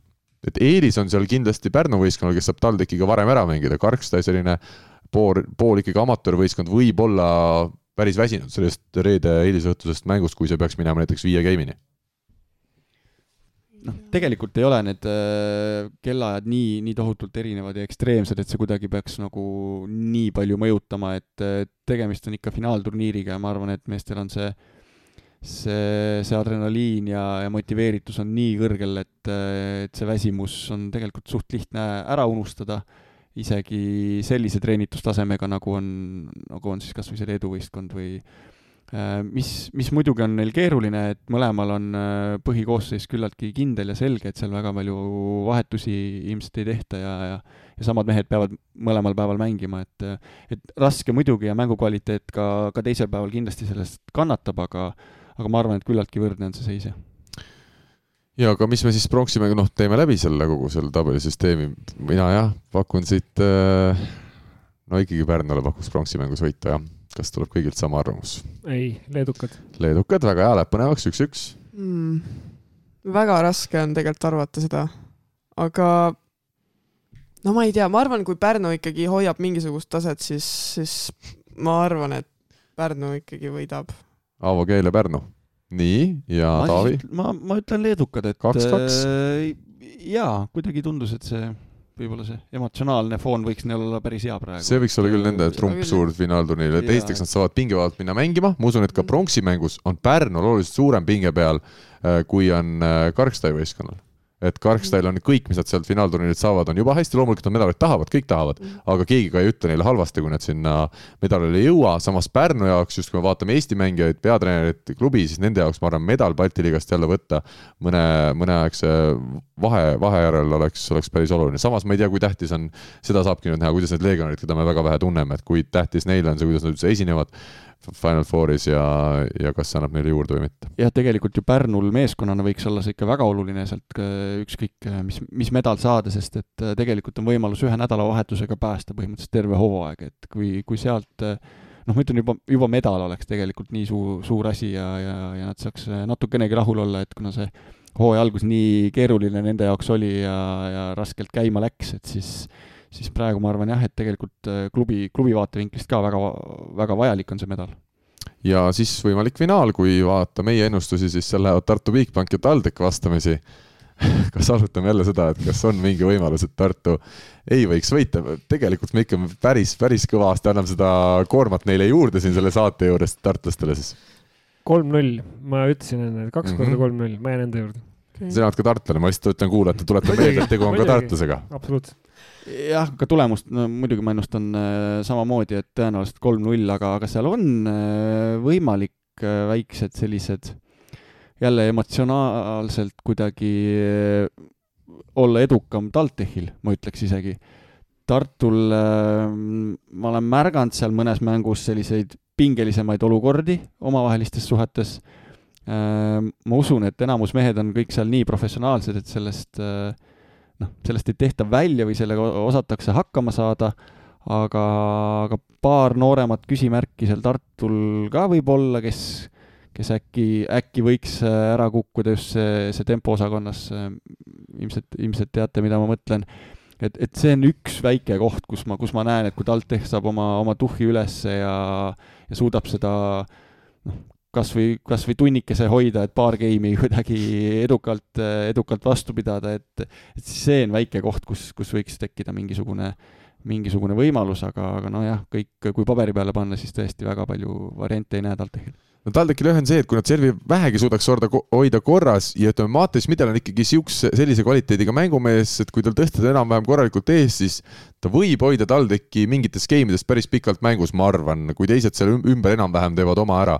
aga ma ei näe jah seda, et nad suudaks stabiilselt äh, Tartuga võrdselt äh, võidelda. no võtame kasvõi servi, mis on Tartul väga tugev, ma julgen nii öelda. võtame siin viimase mängu, tartlaste viimane veerandfinaalmäng, kolm lühikest geimi mängiti, nad lõid kümme ässa. TalTech mängis viis pikka game'i Riiaga ja lõi võistkonna peale üheksa ässa. et juba sealt, kuigi me teame, et Martti Keel ja Mattias Midel justkui on head servijad, siis Tartul teisel pool võrku oleks panna vastu terve võistkond hea, häid servijaid.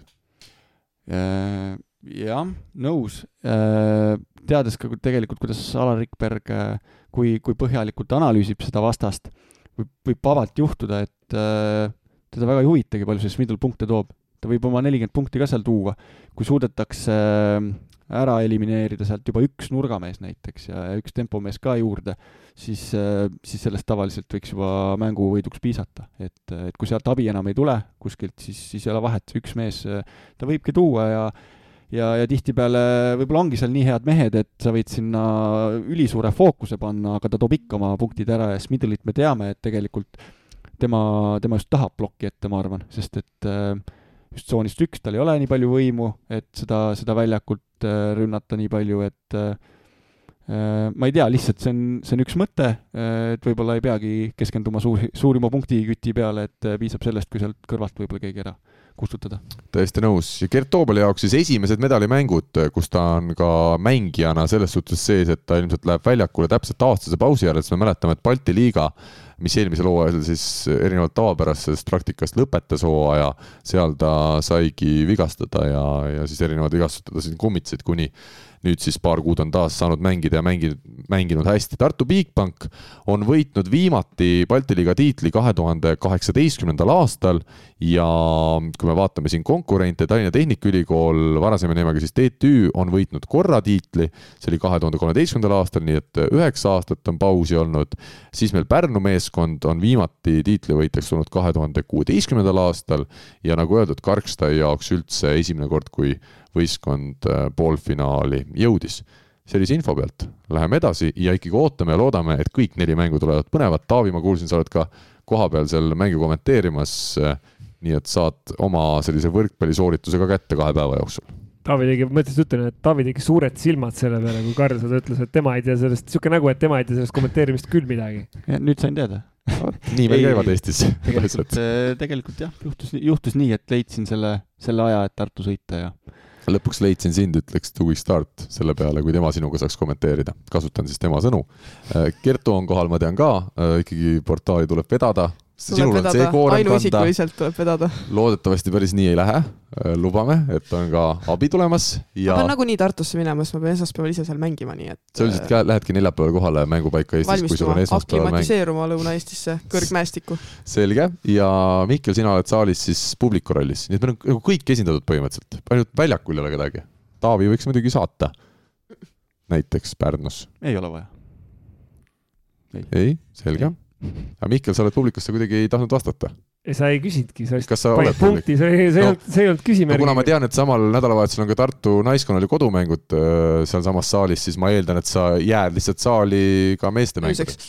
ka ööseks. mul on äh, äh, laupäeval siis selline püha kohus, et äh, Kurtna võrkpallivõistkond, kes muidu mängib Rahvaliigas, läheb äh, Paidesse turniirile, nii et mina kui nende esifänn lähen äh, kindlasti Paidesse turniirile laupäeva hommikul aga jah, reedel poolfinaalid tuleb ära vaadata ja laupäeval siis vastavalt sellele, kuidas Kurtna võrkpalliklubil läheb äh, rahva, ütleme siis, see ei ole ikkagi Rahvaliiga turniir, aga see on siis selline harrastajate turniir seal, nii et. räägi meile, kas nad peaks võitma, et me teaks järgmine nädal sult küsida selle Rahvaliiga ei, või selle Paide turniiri kohta ka. ma selle taset ei tea, aga nad võitsid just äh, möödunud nädalavahetusel pühapäeval äh, rahvaliigas kolm-üks Käru võistkonda, nii et äh,. see vastasvõistkonna nimi ütleb nii mõndagi juba selle värgi kohta. kust nad, kust nad tulevad, eks ole no., selles mõttes sihuke koht. ja veel, ja veel nii mõndagi. aga ja esimese game'i Käru võitis ja siis Kurtna kolm game'i järjest, nii et kolm-üks ja said edasi siis rahvaliiga segavõistkondade teise tugevusgrupi kohamängudele, nii et mul on väga hea meel selle üle. kas saabuvad ka ajad, kui me hakkame ka rahvaliigast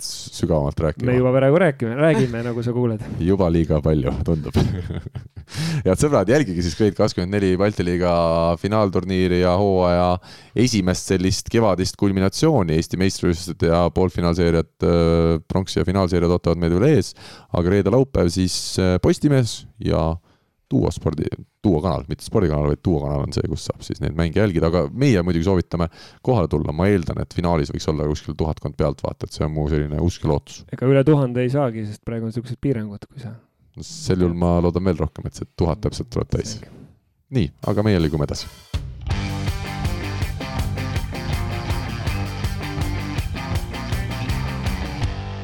naiste Balti liigas siis samuti tähtsamad äh, mängud jõudmas kätte ja ütleme, Eesti klubide jaoks äh, Balti liigas on need äh, tähtsamad mängud ka tõesti juba kätte jõudnud sest Tallinna Ülikool Kikas põhiturniiri teine võistkond alistas siis avamängus võrdlemisi kindlalt kolm-üks Audentese spordigümnaasiumi noortekoondise ja no ütleme, selle esimese mängu põhjal, olgugi et Eva-Liisa Kuivanen ja, ja Lember tegid seal avamängus päris korraliku isikliku partii, siis, siis kokkuvõttes tundub, et Tallinna Ülikool Kikas on täna ikkagi liiga, liiga hea vist äh, noortevõistkonna jaoks või?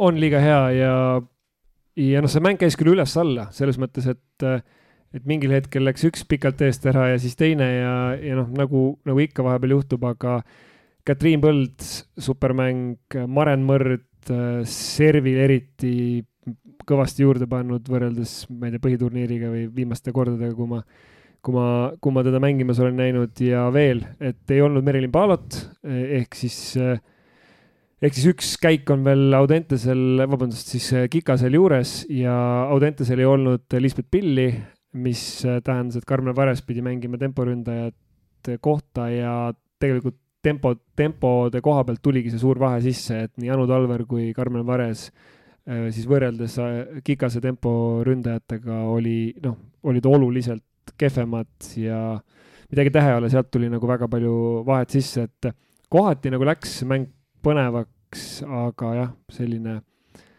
äh, Tallinna Kikas oli nagu ikkagi kindlam ja kui nüüd see Merilin Paalo ka veel juurde panna, siis äh, on veel kindlam ehk see asi. ja Audentese naiskond kindlasti seal nii palju sügavust ei ole kui, kui Kikasel, et et äh, eks need tõsted jagunesid ka niimoodi, et äh, et saidki põhimõtteliselt Kuivonen ja Lember said ainult tõsteid, et, et sealt kui on selline tüdruk nagu Katriin Põld seal plokis, ta teab täpselt, kuhu poole minna parasjagu, et, et äh, sealt see hea partii ilmselt pooleldi tuli ka, et et selles mõttes äh, jah, kui Audentesel nagu niisuguseid varuvariante juurde ei tule, keda nüüd kasutada, siis äh, väga raskeks läheb neil Kikase vastu. Rääkige Noora Lemberist paar sõna, Audentes siis üks resultatiivsemaid, äh, tegu kuueteistaastase võrkpalluriga, me teame, et ta on noortekoondistest hästi esinenud äh, ja noh, me oleme rääkinud reeglina Audenteses ikkagi Eva-Liisa Kuivanenist juba pikemat aega, me oleme rääkinud Häli Vahulast kui ütleme, sellisest sidemängijast, kellest võiks saada Eesti koondise põhitegija loodetavasti ähm, lähitulevikus, aga Noora Lember, temast ma arvan, me peaksime ka rohkem rääkima, millise mulje ta teile jätab oma positsioonil, mis on need tugevused, nõrkused? mõtted täna? mina ütleks lihtsalt, et mulle jätab niisuguse väga targa mängija mulje ja ta on tehniliselt äh, üllatavalt stabiilne, arvestades seda iga ja ka nagu see noh, tema mäng ei kõigu nii palju kui ka näiteks Eva-Liisa Kuivaneni mäng. see on minu mulje jaa äh,, tegelikult äh, no kui me oleme siin võib-olla tõesti rohkem rääkinud Kuivanenist, siis äh, Lember on tegelikult läbi hooaja toonud väga-väga palju punkte, olnud väga mitmes mängus, kui võib-olla isegi rohkemates mängudes kui Kuivanen Audentese suurim punktitegija, et et kindlasti äh, ei ole ta jäänud nagu põhjusega tahaplaanile, et, et, et ta ikkagi on naiskonna vedur ja, ja ma arvan, kui kui tulevad jah, need hooaja niisugused äh, otsustavad mängud, siis ta kindlasti palju koormust saab, et, et äh, tundub, et Häli usaldab teda seal palju. võib-olla nagu seda võimsust on tal natukene vähem kui Kuivanil näiteks, aga aga jah, kuidagi selline stabiilsus, just selline kuidagi tehniline ettevalmistus, et äh, kui neid lööke vaadata või see kuidagi see ka ettevalmistus löögiks või, või, või ka serv, ta ei lagune nagu koost ära, et ta käib nagu võib-olla Kuivanil need äh, tõu-, need äh, tõusud on nagu äh, või noh, need hüpped on nagu kõrgemale, ma mõtlen siis nagu lihtsalt taseme poolest, ma ei mõtle füüsi-, füüsiliselt kõrgemale hüpped, aga mõtlen lihtsalt, et noh, ka servid, et tema Kuivani kõige ohtlikumad servid on kindlasti ohtlikumad kui, kui Lemberi, aga, aga võib-olla keskmiselt Lember on ohtlikum näiteks ütleme rünnakul vaatasin ka Balti liiga statistikat, et mõlemad on esikümnes punkti toomise arvestuses, Kuivanen üheksateist mänguga kolmsada üksteist punkti efektiivsusnäitajas pluss sada kuuskümmend kuus ja Lemberil siis seitsmeteist mänguga ehk kaks mängu vähem kakssada kuuskümmend kolm punkti efektiivsusnäitaja pluss sada kakskümmend viis, nii et üsna ikkagi võrreldavad äh, numbrid ka üldstatistikas. aga Tallinna Ülikool ikkagi kinnitab seda, et see põhiturniir ei olnud kuidagi juhuslik, see, et nad seal kõrgel kohal lõpetasid ja täna üha rohkem tundub ikkagi see, et nad mängivad äh, finaalturniiril ilmselt ja mängivad seal loodetavasti isegi kuldmedali eest, Sten Esna ja, ja tema hoolealused. kindlasti, kindlasti mängivad medalite eest, äh, võib-olla ka kuldmedali eest, et eks me, eks seal läheb naistel on selles mõttes, ma arvan, esikolmik selline äh, eks vaatame, kuidas see välja kujuneb, sest et äh, ma ei ole küll ühtki Kaunase mängu näinud äh,, aga tundub, et nad väga kindlalt võitsid selle põhiturniiri, et ma ei tea, kas seal nagu keegi, keegi neile vastu saab äh,. Eriti kui nad oma kodusaalis mängivad, vist eelmine kord ka sellest natuke rääkisime äh,. aga ma arvan, Tartu ja Kikas nüüdseks on üsna võrdse tasemega ja, ja seal võib täitsa põnevaks minna, et võib-olla hooaja alguses ma ei oleks Kikasele nii, nii head sellist prognoosi andnud, äh, aga nad on selle ikka väga-väga hästi käima saanud, pluss nendega noh äh,, Raili Hunt, kes nendega liitus, äh, oli hooaja alguses võib-olla natuke kahvatu, nüüd on väga-väga hästi saanud oma mängu käima. Ähm, pluss Merilin Paalo võeti ka juurde, kes äh, annab neile loodetavasti nagu väga head äh, sellist, noh, mul on muidugi hea oma aastaseid niimoodi siin analüüsida, aga, aga, aga noh, nii on lihtsalt. ma tahtsin Raili Hundi kohta vist öelda ka, et ka hämmastav stabiilsus ja rahu ja ta on nüüd ikkagi mõned aastad vanem kui ülejäänud võistkond ja ta annab sellega sellist kogemust ja ta on ka väljakul, teeb häält rohkem kui teised ja see hääl on ikkagi selline juba kõvem hääl, mitte selline võib-olla värskelt koolipingist tulnud tüdruku hääl ja selles mõttes, et noh, ta kuidagi, tal on seda rahu ja ära lüüa ja, ja ta on hästi sihuke ka nõudlik, et, et, et noh, selles mõttes hea kombinatsioon on Esna käel ja kus hundist juttu, me ei pea silmas siin muide siis rallihunti, kes tõesti on olnud selle hooaja üks suuremaid, meeldivamaid üllatusi liigas üleüldse sellega, et ta mängib ja hästi mängib, siis Tartu Ülikool Bigbanki nimi käis siit ka juba läbi. Ja nemad alustasid siis kolmanda Eesti klubina seda veerandfinaalseeriat ja alustasid äh, Riia võrkpallikooli vastu. Ja võõrsil ikkagi väga kurb ja selline mannetu üks-kolm kaotus äh, tuli vastu võtta, me teame täpselt samamoodi, seal siis mängitakse kahe võiduni, ehk siis nädalavahetusel on nüüd ees ootamas kaks, loodetavasti, loodetavasti kaks mängu Tartus ja kõik on veel enda, endi kätes, aga, aga tundus küll, et Tartul oli lihtsalt selline päev, kus kellelgi midagi välja ei tulnud, ma ei taha uskuda ega, ega arvata, et nüüd Tartu naiskond ongi sellest Riia võrkpallikoolist selgelt kehvem jah, noh, see Riia äh, on ikkagi ka eurosarja see hooaeg kogenud, mis kindlasti on neile palju juurde andnud. Äh, mis ongi huvitav minu arust, et nii Leedus kui Lätis on naiskonnad, kes eurosarja mängivad aga jah, Tartu äh, no põhiturniiril oli Tartu mõlemad mängud omavaheliselt ju võitnud, eks ole? oli ja, ja, ja oli minu arust mõlemad kolm-üks või, ja kolm-null. kolm-üks, jah. just, et äh,, et noh, seal ei oleks nagu äh, loogiliselt võttes tohtinud nagu küsimust tekkida ähm,, aga tõesti, Riia naised tulid väga-väga südikalt peale, ma natuke vaatasin seda ka, vaatasin ka seda mängu äh,. ja Tartu omakorda tegi seal palju vigu ja andis nagu sellega vastasele hoogu juurde, et et äh, rääkisin ka Ingrid Kiskiga ja, ja ta ütles ka, et nad jäid nagu oma niisuguse hea algusega hiljaks, et seal lõpus nagu hakkasid, hakkas see asi nagu paremaks minema, nad said game'igi kätte.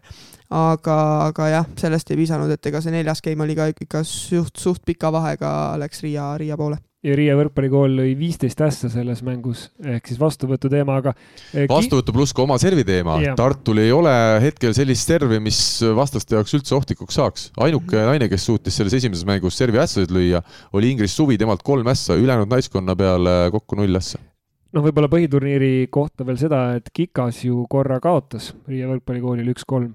samas Audentes võitis neid korra kolm-kaks, nii et niisugune võistkond. see naiste liiga uskumatult põnev, ikka see Balti liiga ja. eriti huvitav sel hooajal. ja vägagi ja selles mõttes see Kikase, Kikasele või Kikase kolm-üks võitmine Riia võrkpallikooli poolt, noh, eks see näitab, et neil mingi, mingi võimekus on, et aga noh see on jah, see oli, see oli võib-olla üllatav, et äh, okei okay,, kaotus võõrsil veel, aga et see tuli ikkagi suhteliselt kindlalt ja kui sa kaotad ühe game'i niimoodi, et sa saad neliteist punkti, siis see on see on päris tõsine allajäämine. minu küsimus teile, suurematele ekspertidele, Ants Tarkov, kes on jätnud ikkagi väga selge põhisidemängija mulje, vahetati poole mängu pealt välja ja tuli siis Kaili Laanemets, kelle puhul mina arvasin, et tähtsamates mängudes tema ilmselt väljakul üldse ei saa ja kui, siis võib-olla korraks mingi hetkelise vahetusena, et tema mängis kaks viimast geimi ise, kas seal oli mingi selge põhjus või teatud äh, tagamaid? Äh, ma täpselt tagamaid ei tea, minu jaoks on ka saanud Kaili võib-olla üllatavalt palju mänguaega see hooaeg, et et, et äh, mulle on tundunud, et Ants äh, Tarkov ikkagi on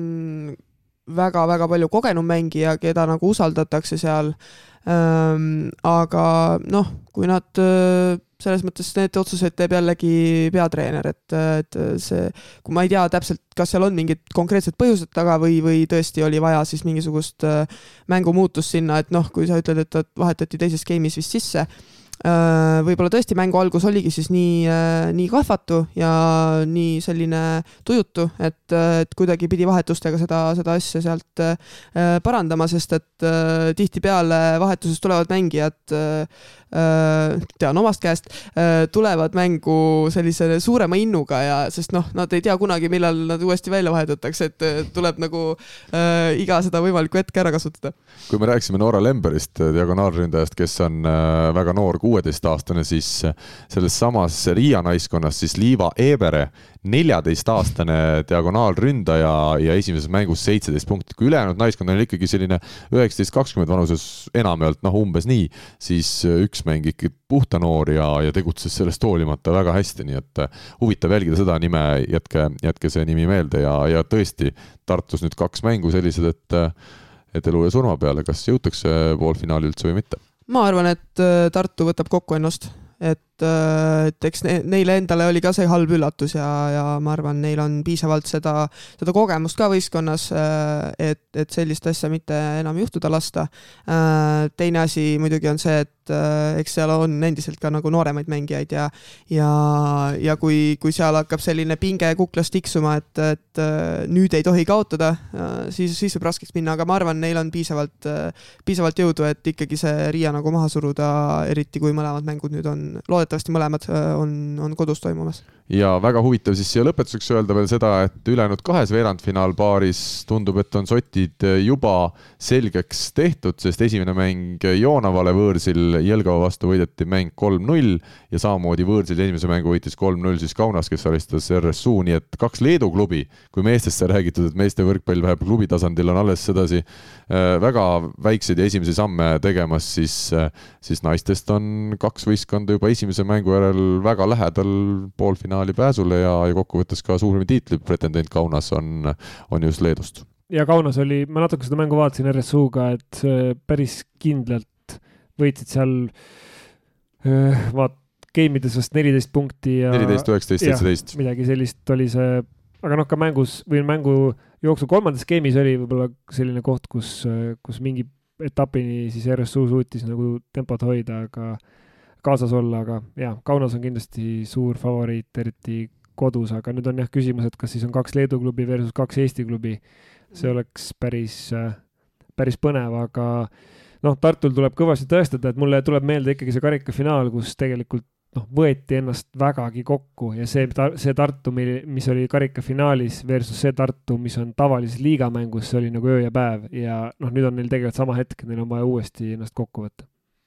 Nii, aga meie jookseme oma saatega edasi, võtame ette siit järgmise rubriigi.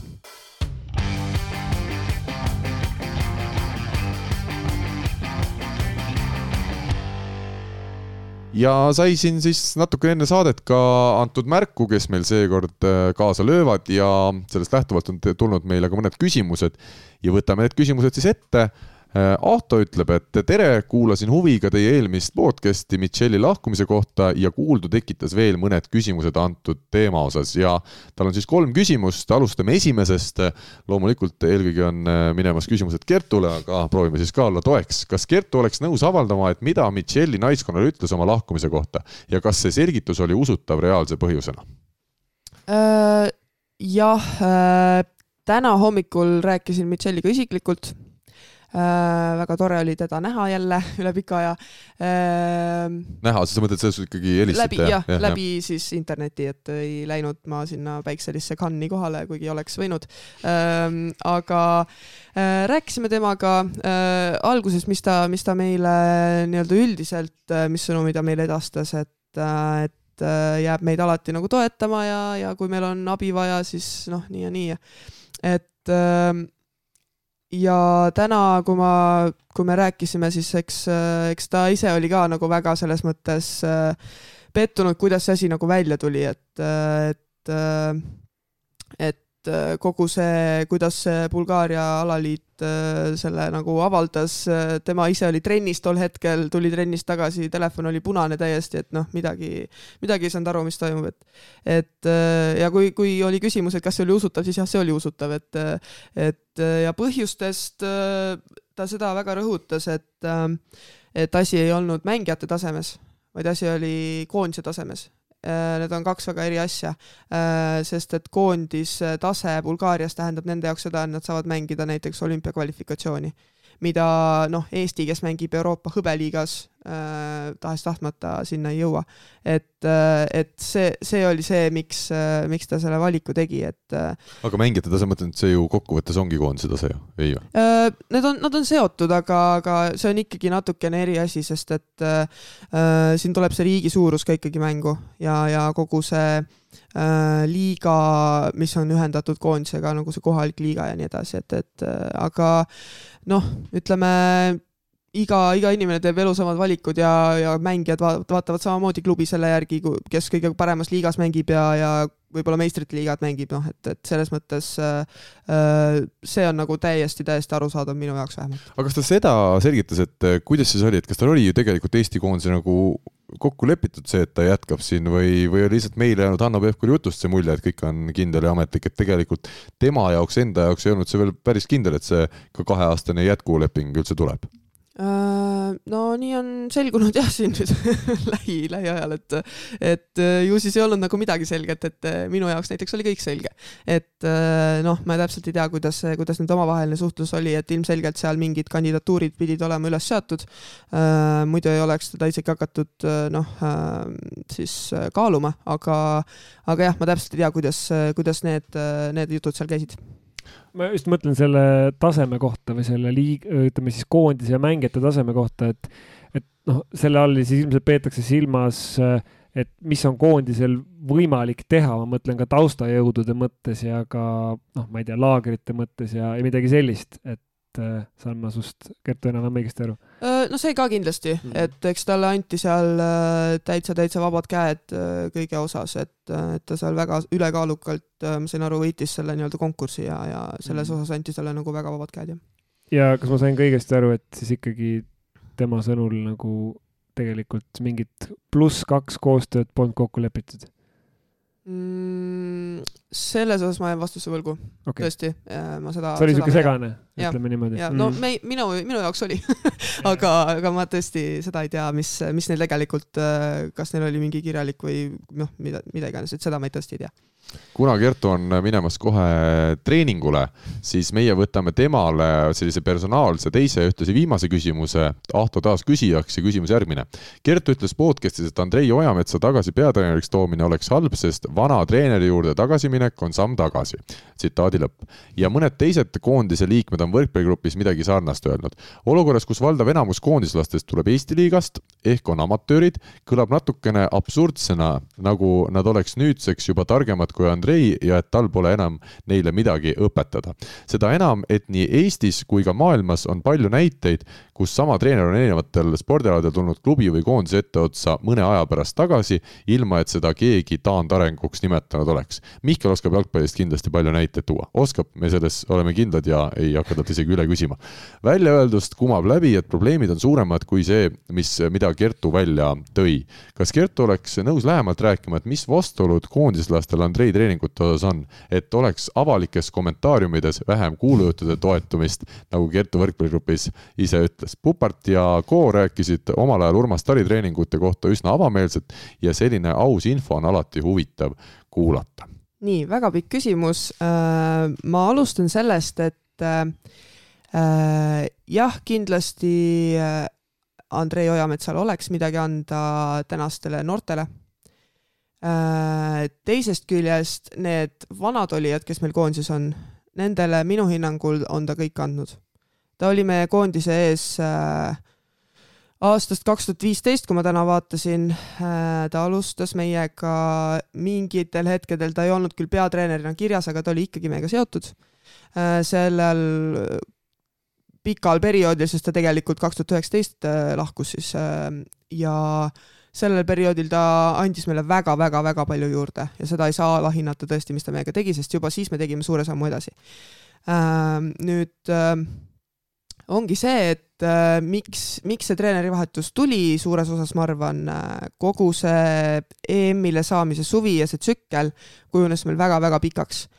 ja just, ma arvan, kombineerides sellega, et ta oli juba olnud meie juures väga pikalt äh,, mingil hetkel tekib selline küllastumus. no täpselt sama oli Gianni Gretsuga lõpus, keda kõik tegelikult hindasid, noh, ma ei ütle, et see on üks-ühele sama näide, aga samamoodi mehed ütlesid, ega see, et, et nad tundsid, et Gianniga on nüüd kõik, et tuleb keegi uus, kes peab natukene uue hingamisega tulema koondisele samale seltskonnale ju peale, et nagu me oleme rääkinud, koondis ei ole nagu klubi, kus sul iga aasta võib vahetuda, et mehed on ikkagi ja naised ka koondises väga paljuski samad, et äh, lõpuks just tüdineti sellest ühisest äh, minemisest, et see oli selline inimlik, et samamoodi siis sa ütled, et umbes oli naiskonnas, jah? enam-vähem, et äh, eks seal oli vaja mingisugust värskust juurde tuua, et, et samade mängijatega edasi minna, et ja see oli oluline, et samade mängijatega edasi minna, sest ega meil ei ole valikut mängijate osas nii palju Äh, ja siis tuli. aga kas see on sama nõudlik, ma küsin vahele veel ühe küsimuse, kas see on sama nõudlikud on Eesti naiskonna osad mängijad, nagu me oleme rääkinud, et ta on meeskonnas, et ma arvan, et Rene Teppan ise ka ei, üldse ei lükka tagasi, et ta ongi päris selline, ütleme, keeruline karekt-, karakter mingitel hetkedel, kellel nõuab väga palju nii-öelda treeneri poolt seda tööd, et, et Rene teda usaldama hakkaks, et loomulikult ka vastupidine küsimus on seal, et, et treener ju peab, peab saama nagu noh, Rene peab tõestama ennast treenerina, aga noh, ongi, Rene on näiteks selline isiksus, kellel on vaja, ma usun, Taavist, Taavi ka hea sõbrana teab, et Renel on vaja sellist äh, sisseelamist, et treener kõvasti tõestaks, et, et ta on, kas sama, samasuguseid, ütleme, karaktereid on ka naistekoondises mm,? no ma selles mõttes ei tea, kuidas äh, naistekoondise liikmed nagu uutesse treeneritesse suhtuvad, et äh, et kui, kui Andrei omal ajal, nagu see oleks väga ammu olnud, omal ajal tuli meie eesotsa, siis ma olin veel väga-väga noor ja ma olin üldse väga sellest kõik see asi oli sihuke vau, et, et ma, ma, mul oli nagu täiesti vau-efekt. nii et ma ei tea, kuidas teised sellest suhtusid, mul oli endal tegemist, et nagu kannul püsida kõigil äh,. kui tuli Michelli, minu arust kõik võtsid nagu super-super hästi vastu teda äh,. nii et äh, jah, ma selles osas ei tea, aga aga mis ma, mis ma nagu selles mõttes tahtsin veel sinna lisada, et, et äh, miks praegu siis äh, miks ma ütlen, et seda sammu nii-öelda ei saa tagasi teha, et, et loomulikult Andreil oleks noortele veel väga palju anda ja sellepärast ongi, ma arvan, ka Audentese eesotsas ähm,. aga just ongi see, et meil on ka neid inimesi veel koondises, kes äh, Andreilt on nii-öelda juba kõik saanud, et, et äh, et selles mõttes äh, tõsi on see, et kui me võtame professionaalse treeneri kuskilt välismaalt, siis ta ei saa olla mingisugune meistrite liiga võitja treener, eks ole, kes noh, sest meil on nii palju noori mängijaid ja ka niimoodi poolprofessionaalseid mängijaid, kes käivadki koondise laagri ajal ka tööl millega see uus treener, kes tuleb, ta peab lihtsalt arvestama ja, ja me ei ole nagu professionaalne koondis ja, ja see ongi see koht, kus peab leidma sellise ähm, kesktee, et oleks arenguvõimalus äh, suviti ja kevadeti koondises ka neile, kes tulevad välismaalt, et neile tekiks sammu tagasi, samas et noortele ja ka vanematele Eesti liigas osalevatele mängijatele äh, ta ei oleks liiga suur selline info ületoos ja selline, mis ajab nagu asja segadusse ja võib-olla noh, võib-olla pannakse selline tamp peale, et nad ei tahagi enam koondises osaleda, et seda me ka ei taha. et äh, siin tulebki leida selline kesktee, mis ei ole kindlasti lihtne. ja nüüd ma teen seda, mida teeb üldiselt Mihkel, toon äh, näite jalgpallist, et äh, jälle me oleme seda natuke siin saates ka arutanud, aga et see ei saa ainult olla tulemusepõhine, see naistekoondise juhendamine, et me võtame Tarmo Rüütli Eesti meestekoondisest, kaks tuhat üksteist, kui me jõudsime play-off'i, siis äh, koondis ikkagi sai ju kokku väga üksikuteks hetkedeks, see oli nädalane periood umbes alati, mis sai vist äh, valikmängudeks ju ette valmistada. samal ajal ja, ja siis oligi see, et sul tuli lihtsalt selle võistkonnaga, kes sul see nädal aega koos oli, tuli panna õiged mehed väljakule, anda neile natukene emotsiooni. ma ei ütle, et see nii lihtne oli, kindlasti see oli suur töö, aga kokkuvõttes see töö on ikka hoopis teistmoodi välja kui see nagu naistekoondisel, kes saab maikuus kokku. Nad treenivad tõesti kolm-neli kuud ja seal on võimalik ka seda arendamisprotsessi teha, et need on kaks täiesti erinevat asja, et me ei saa ainult rääkida sellest, mis on valikmängu lõpptulemused, seal on suurem pilt, mida tuleb vaadata peatreeneri tulemuslikkuse osas. absoluutselt ja no seda on juba sada, sadu kordi heietatud, kuidas, kuidas kaks tuhat üheksateist EM-iks äh, kõik või noh, väga suur enamus Eesti koondise mängijatest mängis välismaal põhitegijatena ja ja kaks tuhat kakskümmend üks äh, see olukord oli teistsugune, loomulikult me ei saa ainult selle nahka seda ajada, et, et kindlasti noh, just siin on, ka rääkisime kellegagi, et, et noh, võib, võib, võibki olla, et oli treeneril mingi roll, okei okay,, aga me ei tea seda kunagi. et, et jah, see ütleme, on natuke teistsugune olukord ja, ja lihtsalt jah, ma arvan, võib-olla tõesti tulevikus, kui Andrei äh, kandideerib ja, ja võib-olla ongi täiesti selles mõttes kahe tuhande üheksateistkümnendast aastast täiesti teistsugune koosseis, võib-olla tõesti. selles mõttes me ei välista selles osas mitte midagi. aga, aga praegu ma arvan äh,, ei ole veel see hetk seda nii-öelda siis sammu tagasi teha aitäh sulle, Kertu, jookse ja sõida. me teame, millised on lubatud kiirused äh, Tallinnas ja siin ümbruses, aga treening on algamas. Äh, Mihkel, kui kiiresti tohib sõita, kui on trenni kiire? teeolusid ja liikluspiiranguid arvestades mitte siis väga palju, jah? sina praegu läheksid pigem jala, sest sa jõuad jala kiiremini kui autoga selle lumesaju juures. no sinna, kuhu Kertu läheb, kindlasti autoga. selge. Kertu paneb juba tossi jalga, meil on selline tõesti mõnus interaktiivne saade, vähemalt osalejate jaoks saate ajal saab teha ka muid tegevusi. meil on tulnud paar küsimust veel. võtame Taavi Küllepika ja mängu Taavi ei ole ära läinud, kuigi ma usun, siin stuudios on täitsa mõnus, et see ei ole, see eelmine kord seal Iglu, Iglu pargis ütlesid, et noh, et sihuke hakkas kahju, et tegelikult siin oli päris mõnus teha saadet, eks? kodustes tingimustes jah, sa, tehtud ta saab. on nii hull, Mihkel või? vaata, inimene harjub kõigega, ma olen harjunud juba sellega siin. samal ajal me lehvitame Kertule, Kertu läheb kohe trepist alla ja auto peale ja küsimus siis, mis tuleb äh, Karlilt, perekonnanimi Allik. kas Amber Volley võiks näpistada geimi Tartult esimeses poolfinaalis? ei. ei. ei. ja teine küsimus Hendrik küsib, tere, äh, kas Pärnu võrkpalliklubi uued täiendused võivad meeskondliku mänguga viia tiitlini? ei. ei, ei nii et täna oleme ka meie saanud oma küsimustele vastuse anda. ei no aga kas küsimused, vastus ja. jah või ei, lihtne. jah, no need olid ka ausad vastused. teine küsimus oli Hendrikult ka, millele me ei saa ilmselt vastata jah või ei. kuigi on kunagi olnud mingid sportlased, kelle nimed oli, minu arust oligi kuskil välismaal, kelle nimi oli ei. nii et kui keegi nii. vastas, et äh, ei tea küsimusele vastust, siis ei-st piisas juba. olen põnevil, mis küsimus on äh,? aga küsimus on selline, et kellest saab Grade kakskümmend neli Balti liiga kõige väärtuslikum mängija? no ja seda. Martti Juhkami ah sul, sul tuleb täna sedasi vastuseid. mina tahtsin just siia tuua jälle seda, et Gert Toobali äh, faktor ja Tartu Bigbanki faktor on ühtlaselt tugev võistkond, seal on nagu võimatu ühte, sest ei ole ühte suurt liigrit, liidrit, kes neid kannaks, et võib Gert Toobalit ennast oleks minu kõige selline äh, kindla peale minek äh, vastus, aga, aga ründajatest on see Hurt, on see Juhkami, on see Kordas, võib ka Lepik olla hoopis algkoosseisus väga hästi mängida. Juhkami. nii, Taavi jah, huvitav, et me üldse teisi võistkondi nagu ei arutagi me hakkasime kohe nagu naturaalselt äh, ainult, no, muidu me hakkame iseendale vastu ainult, rääkima. ainult Tartust rääkima. kui me ütleme, et Karkstad saab, nojah. just, et see sai nagu selgeks jah, et me, me Tartu nagu esi, esikohale panime. aga teeme nii, et me lõpetame selle saate tegemise ära, kui tõesti Tartu peaks äh, jääma esikohata, sest praegu küll seda saadet vaadates tundub, et noh, kui me, kui me tõesti nüüd Tartu ei võida, siis me ei, me üldse ei saa aru, millest me räägime. ei, no kus see päris nii nüüd ka ei ole, selles mõttes, et kui sa võtad eh, noh, kihlveokontorid, ega kihlveokontorid panevad ka koefitsiendid välja, nad teevad mingi analüüsi ja juhtub eh, üks, üks kümnest või mis iganes olukord, võib-olla on rohkem, võib-olla vähem, eh, neid kordi, kus lihtsalt juhtub midagi ettearvamatut spordis Lester tuli kunagi Inglise meistriks jaa, täpselt, mis oli ju täielik, noh. ma ei usu seda siiamaani. ja, ja, ja siis ütleme, ma ei tea, Taani tuli üheksakümmend kaks Euroopa meistriks jalgpallis või Kreeka kaks tuhat neli, et see tundub ka täiesti see oli jabur. nii suur pauk, see üheksakümne teise aasta Taani äh, meistritiitel, et ma sündisin paar kuud pärast seda, see pani kohe sündima mind. aga. ja ju ega arutamiseks ja, ja rääkimiseks ei pea ekspert olema ju. arutada võib ju ikka, et seda me näeme ju poliitikast väga palju. kolm võrkpallisõpra siin. jah, neljas on juba läinud, aga, aga siin siis, äh, no Taavi, mõtleme ka mingid nimed välja. Mart Juhkami tuli juba seitse korda ühelt poolt. Kevin Soo Kevin Soo, sõprussidemete tõttu või on seal mänguliselt rohkem seekord? lihtsalt huvitav lihtsalt huvitav, selge. ei, ei, äh, ei, aga miks mitte, mingi, mingis stsenaariumis ta võib, äh, võib olla väga oluline lüli. no mina, ma olen aegade algusest peale olnud Gert Toobali suur austaja, tema mängu on alati meeletu nauding vaadata ja mida rohkem ma olen ise hakanud võrkpallist aru saama, seda suuremaks on see nauding veel läinud, nii et ma tõesti usun, et ei ole mingi, mingi üllatus, kui Gert Toobal lõpuks parimaks valitakse jah, ei tegelikult väga, väga, väga loogiline asjade käik oleks küll või, või miks, miks mitte ka vanameister Rikbergil veel sümboolseid auhindu jagada. Rikberg läheb iga tähtsaks, kui tal oleks niisugune auhind ka veel panna, siis ta ei lõpeta ju karjääri ära siis ta mängib kümme aastat veel. aga mis meil saab selle vastu? seda küll jah, et võib-olla hoopis vastupidi mõelda, et kes, kellele aitaks nagu karjääri pikendada.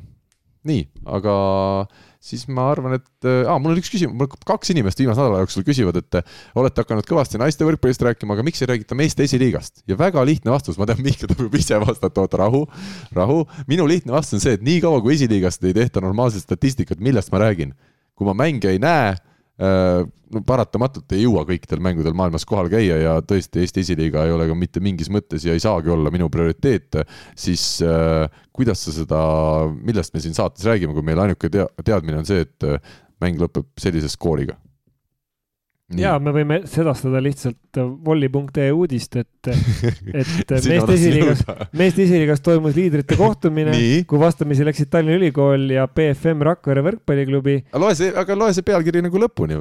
ja. nii, kuidas see pealkiri on? Eh, no ma ütlen, et kohtusid, aga ma tahan öelda, põhiturniiri esikoha kindlustamiseks tänasest mängust võitu vaadanud Tallinna Ülikool oli kolme geimi järel eesmärgist vaid ühe geimivõidu kaugusel, kui tabelijuht haaras kaks-üks eduseisu. võistkõne. võitu siiski koduvõistkond ei saavutanud, ehk siis Tallinna Ülikool, jäädes seejärel neljandas ja viiendas geemis Rakvere esindusele alla ning leppides kaks-kolm kaotusega. ehk siis eh, juhtus asi, mida pole küll nagu, mida juhtub väga harva, ehk siis Tallinna Ülikool kaotas meeste esiliigas. ja no ühe kaotuse sai Tallinna Ülikool hooaja alguses, siis kui kaotus. just Neemeko vastu siis äh, ja kaks tükki veel saanud, üks oli siis Viljandi vastu nüüd hiljuti ja, ja üks nüüd tuli Rakvere vastu, Rakvere mängib väga hästi, ma kiidaksin Pomerantsi, kelle kohta ma väga hästi head sõna kuulsin, ma ise mängul ei olnud, eks see ka üks Tallinna Ülikooli kaotuse põhjuseid kindlasti, aga Pomerantsid väga hästi. Rakveres kogenud Kaarel ja Kaspar, vennad, keda ma arvan, me ei pea pikemalt tutvustama, et on, on väga, väga hea soos kuuldavasti ja väga põnevaks on nüüd üleüldiselt läinud see esiliiga tipp seal, et pärast ma julgen öelda, pärast Karel Ellermaa Selverisse siirdumist ongi Tallinna Ülikool üks lihtsurelikest, seal ei ole enam meeletut vahet sees, sest no teistel on isegi kohati nüüd paremad sidemängijad kui meil, aga. kes teil mängib sidemängijat äh,? Kaimar. selge. siis äh,, aga noh, tabeliseisus viiskümmend kolm punkti Tallinna Ülikool, nelikümmend seitse BFM Rakvere, nelikümmend neli äh, e-service Neemeko, kolmkümmend kaheksa Viljandi, äh, kolmkümmend üheksa Eesti Maaülikool, Gemoter Logistikakeskus kolmkümmend kolm punkti Võrul, kakskümmend seitse AB Premium Raevald, kakskümmend viis Audentes, seitseteist Est-Nor Kiili, kaksteist äh, IM Sport Järvamaa, kaheksa Põltsamaa ja viimane on siis äh, viie punktiga Bigbank äh, spordiklubi Duo, selline on see no ma ütlen, esikoha selgitavad välja siin, ma julgen öelda küll kuus võistkonda ja isegi seal need paar viimast on ikkagi sellise, selge küsimärgi, Tallinna Ülikool, Rakvere ja noh Neemeko ja Viljandi ka lisada enda tugevamate pretendentide hulka ja no Eesti Maaülikool ja Võru neil ka äkki mingi hästi väike šanss on, Raed ja Audentest enam esikoha pretendendiks küll kuidagi lugeda ei saa ja võib-olla ma ka siin teistega natukene selle hinnangu andmises eksin, aga no suures plaanis peaks ikkagi sedasi olema, et Tallinna Ülikool,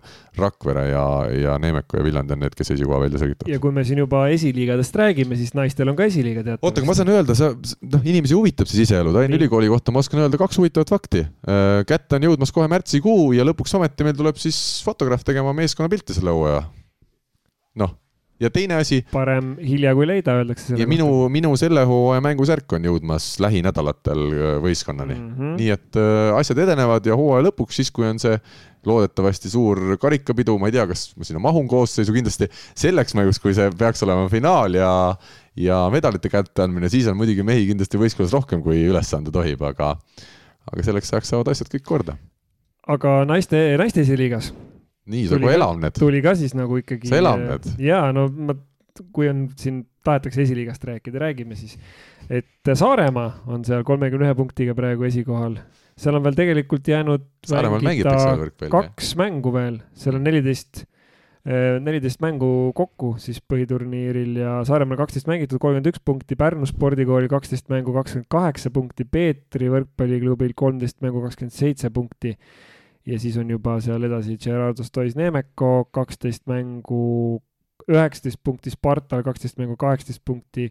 siis on äh, Torpat, kaldkriips Tartu vald, kaldkriips Katoliku spordiklubi, üksteist mängu, neliteist punkti. kas seal otsa ka saavad need võistkonnad? Kastre vald, neliteist mängu, kaheksa punkti ja Tallinna spordikool kaksteist mängu ja kaks punkti no., nii et me nii, nii nagu meeste puhul lugesime kõik ette, nii et, äh, et aga peab tunnistama, et mina olen koha peal vist käinud kas ühel või kahel naiste esiliiga mängu sel hooajal, vist kahel, ja siis äh, vaadanud äh, meeste esiliigat mõned mängud äh, video vahendusel, et tegelikult ju Facebook Live'e tehakse ka, siin Võru teeb näiteks. Võrul on lahedad jah, kiidame veel Võrut.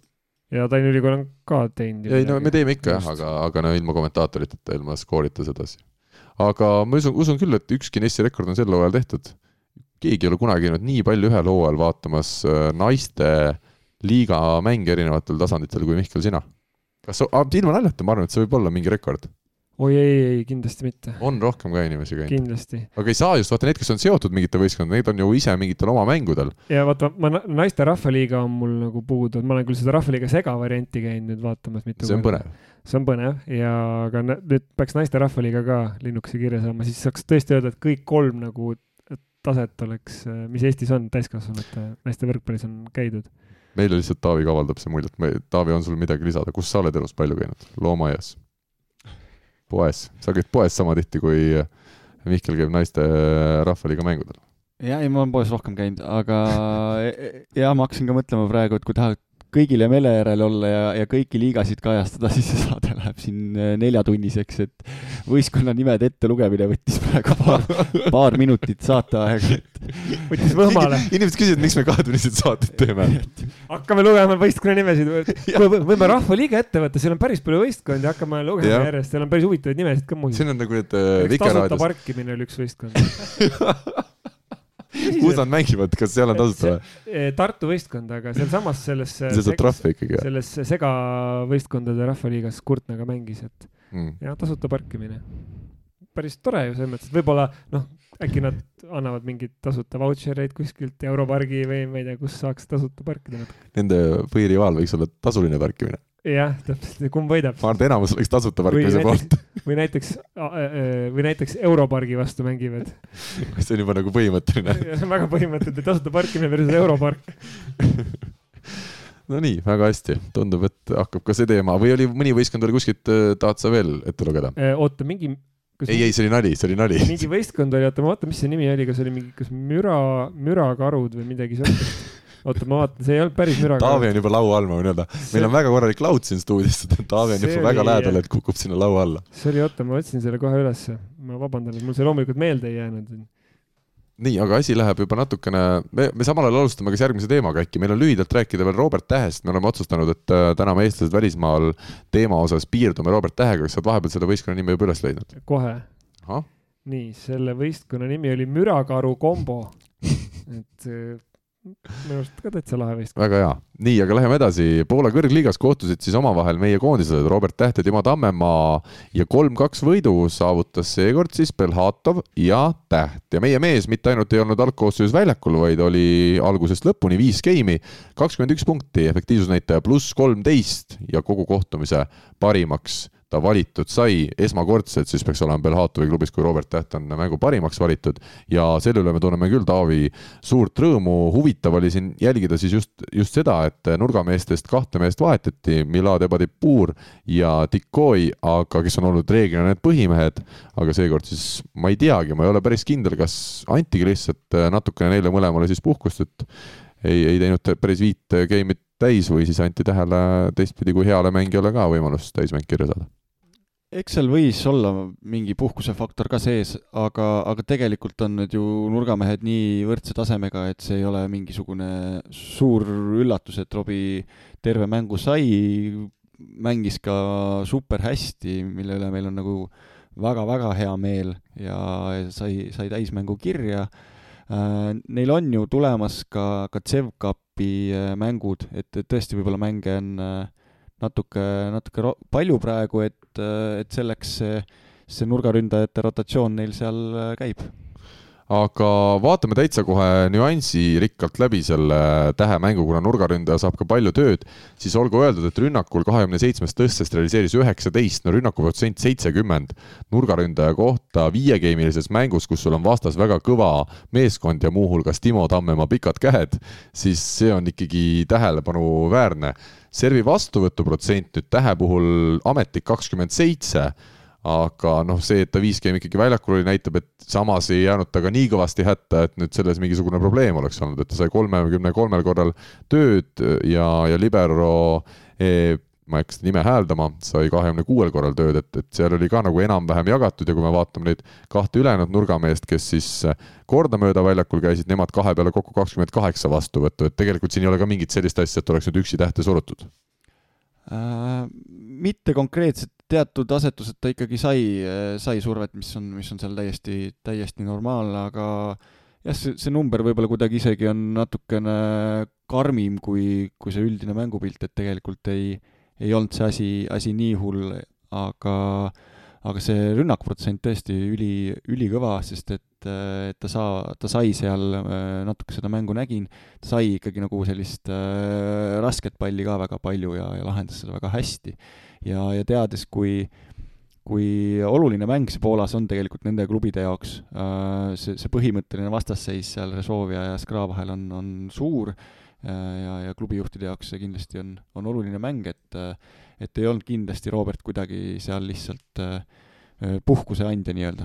jah, kohe vaatame tabelile ka otsa, aga üks asi veel, noh, mida saabki siin tähe, sa ütlesid ka seda vastuvõtunumbrit vaadates natuke üllatas, et teine asi on ju see, mida on Kalar Rikberg meil siin saates toonitanud, et kui võib-olla tavaline võrkpallisõber vaatab, et vastuvõtt peabki olema sidemängijal seal võrgu kõrval, siis kui me vaatame siin Poola kõrgliiga täitsa tippude omavahelist mängu, seal on ikkagi väga tihti ka treenerite poolt öeldud, et kui on vastaselt tugev palling tulemas, siis me ei üritagi seda ajada perfektselt sinna sidemängijale võrgu kõrvale, vaid me jätamegi ta hea meelega, üritame jätta sinna, noh, seda siis selle suunisega võtta vastuvõtt, et oleks seal kolme meetri juures, et igal juhul saame ise ründama minna, et ja sellest võib ka see vastuvõtuprotsent natukene muutuda jah, tõesti, servid on läinud nii võimsaks, et võib-olla aastaid tagasi pidi, pidi see number natuke parem olema, et treeneril rahul oleks. Äh, praegu tuleb tõesti vaadata natuke otsa ka servijatele, et äh, sealt antakse kõva tuld ja, ja tõesti äh, esimene eesmärk on lihtsalt see väljakusse jätta. ja, ja kuna mängijad on läinud ka nii osavaks, et et kui see pall on ka kaheksa meetri peal, tõstetäpsus on nii hea, et see pannakse sinna võrgu peale ploki lähedale, siis mängijad suudavad seda plokki kasutada ka nii, et kas selle plokist tagasi võtta ja nad saavad palju kvaliteetsema palli ja siis lahendada kiiret palli, et, et see servi vastuvõtt ei pea olema jah, tõesti enam nii, nii ideaalne, sest mängijatel on, on rünnaku arsenali tulnud erinevaid, erinevaid lahendusi juurde ja, ja sellega parandatakse see võib-olla kehv vastuvõtt ära aga igal mündil on ikkagi kaks poolt ja seekord siis see teine pool nii väga mõnus ei ole. Timo Tammemaa küll alustas seda põhimõttelist vastasseisu kahe tippklubi vahel Resolvia algkoosseisus, aga väga palju ta mängida ei saanudki, küll kogus selle ühe game'iga äh, kolm punkti, aga võeti välja ja sellega Tammemaa mäng lõppes, neljas järgnevas skeemis ta enam platsile ei saanud ja meie täpselt seda põhjust ei oskagi siin öelda, loodame, et tegu on sellise ühekordse murega ja ja Tammemaa on varsti taas või kohe taas algkoosseisus järgmistes tähtsates mängus, sest nagu, nagu Taavi siin juba vihjas, tabeliseis on ikkagi väga põnev ja Poolas siis kaheksa paremat meeskonda, neljateist võistkonna konkurentsi tähendavad play-off'i ja juba see asetus on oluline, et et hetkel Belhatovi meeskond kolmandal kohal tabelis äh, Zaksa ja Jašembia järel ja Rezovia on kuuendal kohal ja kui lõpeb, lõpeks põhiturniir praegu, siis läheksid Rezovia ja Belhatov ehk Tammemaa ja Täht sarnaselt siis karikavõistlustele ka, ka siin Poola liiga play-off'is kohe kokku, aga põhiturniiri on veel õnneks või kahjuks mängida päris palju, kakskümmend kuus mängu kokku mängitakse ja mängitud on siis olenevalt võistkonnast seitseteist kuni kakskümmend üks mängu seni. Jah äh,, võib-olla oleks, oleks eestlase jaoks võib-olla isegi põnevam, kui nad äh, tõesti play-off'is kokku läheks. kõige põnevam oleks neid äh, mänge siin Eestis võib-olla näha isegi, kui meil on kaks eestlast nii kõrgel, mis mulle ka nüüd meenus sellega, et tegelikult ka CEV Cupis on jõudnud kätte juba poolfinaalid, kus, kus Robert Tähe võistkond mängib, peaks olema sellel neljapäeval juba Tursi vastu äh, mäng, jällegi koht, mida hea meelega vaataks äh, võib-olla teleri ekraanilt, aga, aga see ei ole enam vist meie teha. no vähemalt seni mitte, kuni me ei ole kolmekesi võitnud äh, bingolotoga või ühte väga head sellist iduettevõtet üles ehitanud. Mihkel, kas sul on mõni selline ütleme, ükssarv kuskil, ükssarvik tulemas kuskilt? ei ole ja Taavi. kas küsimusele vastus jälle ei? Taavi, sul ka ei ole praegu? Ei kommenteeri. ei kommenteeri? see on juba lootustandav. oluliselt, sealt võib tulla midagi. sealt just, me järgmine kord juba ootame, et äh, äkki sa tuled koos ülekannetega meile siia saatesse, teeme saate ära ja siis hakkame erinevaid ülekandeid näitama. aga kindlasti on paslik ka välja tuua see, et äh, suveräänselt liikumas võiduturniiri võidu suunas Saksa, kes siis eelmisel aastal võitis meil meistrite liigas esikoha ja sel hooajal siis Gianni Gretsu, meie endine koondise peatreener, seda võistkonda on juhendamas. nii et Poola liigas ikkagi jätkuvalt väga võimsalt esinetud, seitseteist mängu, seitseteist võitu kirjas neil, aga meie võtame siit kiirelt ette tänase saate viimase osa. kes võidab keda, kas sina oskad ennustada seda? spordiennustus portaalis Pahv, Pahv lööb pahviks. ja Pahvi ennustusmäng äh, on selline lõbus, lõbus tegevus kindlasti minu jaoks, kuulajate jaoks ma ei tea, kui lõbus on kuulata neid minu tulemusi, aga ei läinud ka siis möödunud nädalal päris nii, nagu ise arvasin, et läheb.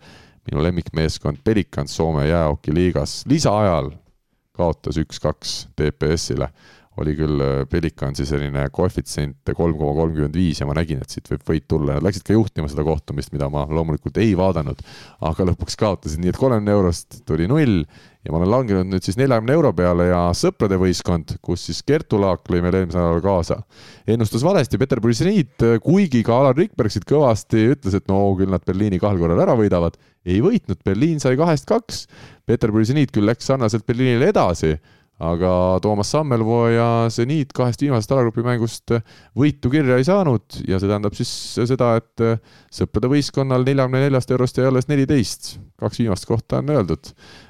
Mihkel osales ka tublisti, kaks riskipanust ei, ei õigustanud ennast, aga üks siis ikkagi tasus igati hästi ära. Ja mida nüüd siis saab öelda, Taani kõrgliigas? Sa tead seda, et Argus üldiselt Odenset võidab, tulemus kolm-null sealt tegid kümnest eurost kakskümmend, aga ülejäänud kaks panust läksid mööda. ja seal Poola liigas oli tegelikult suht napikas, kolm-kaks mäng, eeldatav outsider oleks ääre pealt siis nagu edu, edu äh, saatnud, aga jah, need äh, üldskoorid on muidugi toredad, et nüüd sõprade võistkonnal on võimalik esimest korda miinusesse minna Taaviga. kas me laseme nad miinusesse või Muidugi anname neile neidest, panemegi kolmkümmend saab siit minna? ja ikka, ikka okay,, selles mõttes okay., et nagu teeme traditsioonilise ja noh, vaatame, kus siit noh, kui nüüd see miinusosa, siis Taavi peab selle nagu omast taskust nagu meile tagasi tasuma, et näiteks noh, mingi selline variant. no aga tal on ju niikuinii see juba see iduettevõte ju umbes töös, nagu me aru saime. võib-olla siis kutsub meid sinna Iglu parki järgmine kord külla, on ju, midagi taolist, aga ma ei tea, Taavi, sul on välja valitud, mis sa ennustada tahad?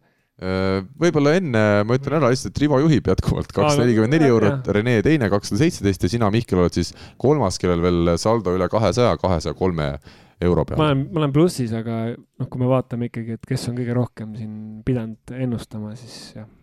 ja see olen ne mina, kes on kõige rohkem pidanud ennustama. Nendest, nendest, nendest ma ülekaalukalt juhin, ütleme nii. seda küll ei ole, ei ole olnud minu tippvorm ajastatud selliseks siis sügistalviseks hooajaks, aga spordiennustus PUFFis, kumb iganes teist tahab alustada, ma jätan ikkagi viisakalt teile alustamise võimalused. Mina võin alustada, aga seda miinusesse minekut ma ikka ei saa võtta enda südametunnistuse peale.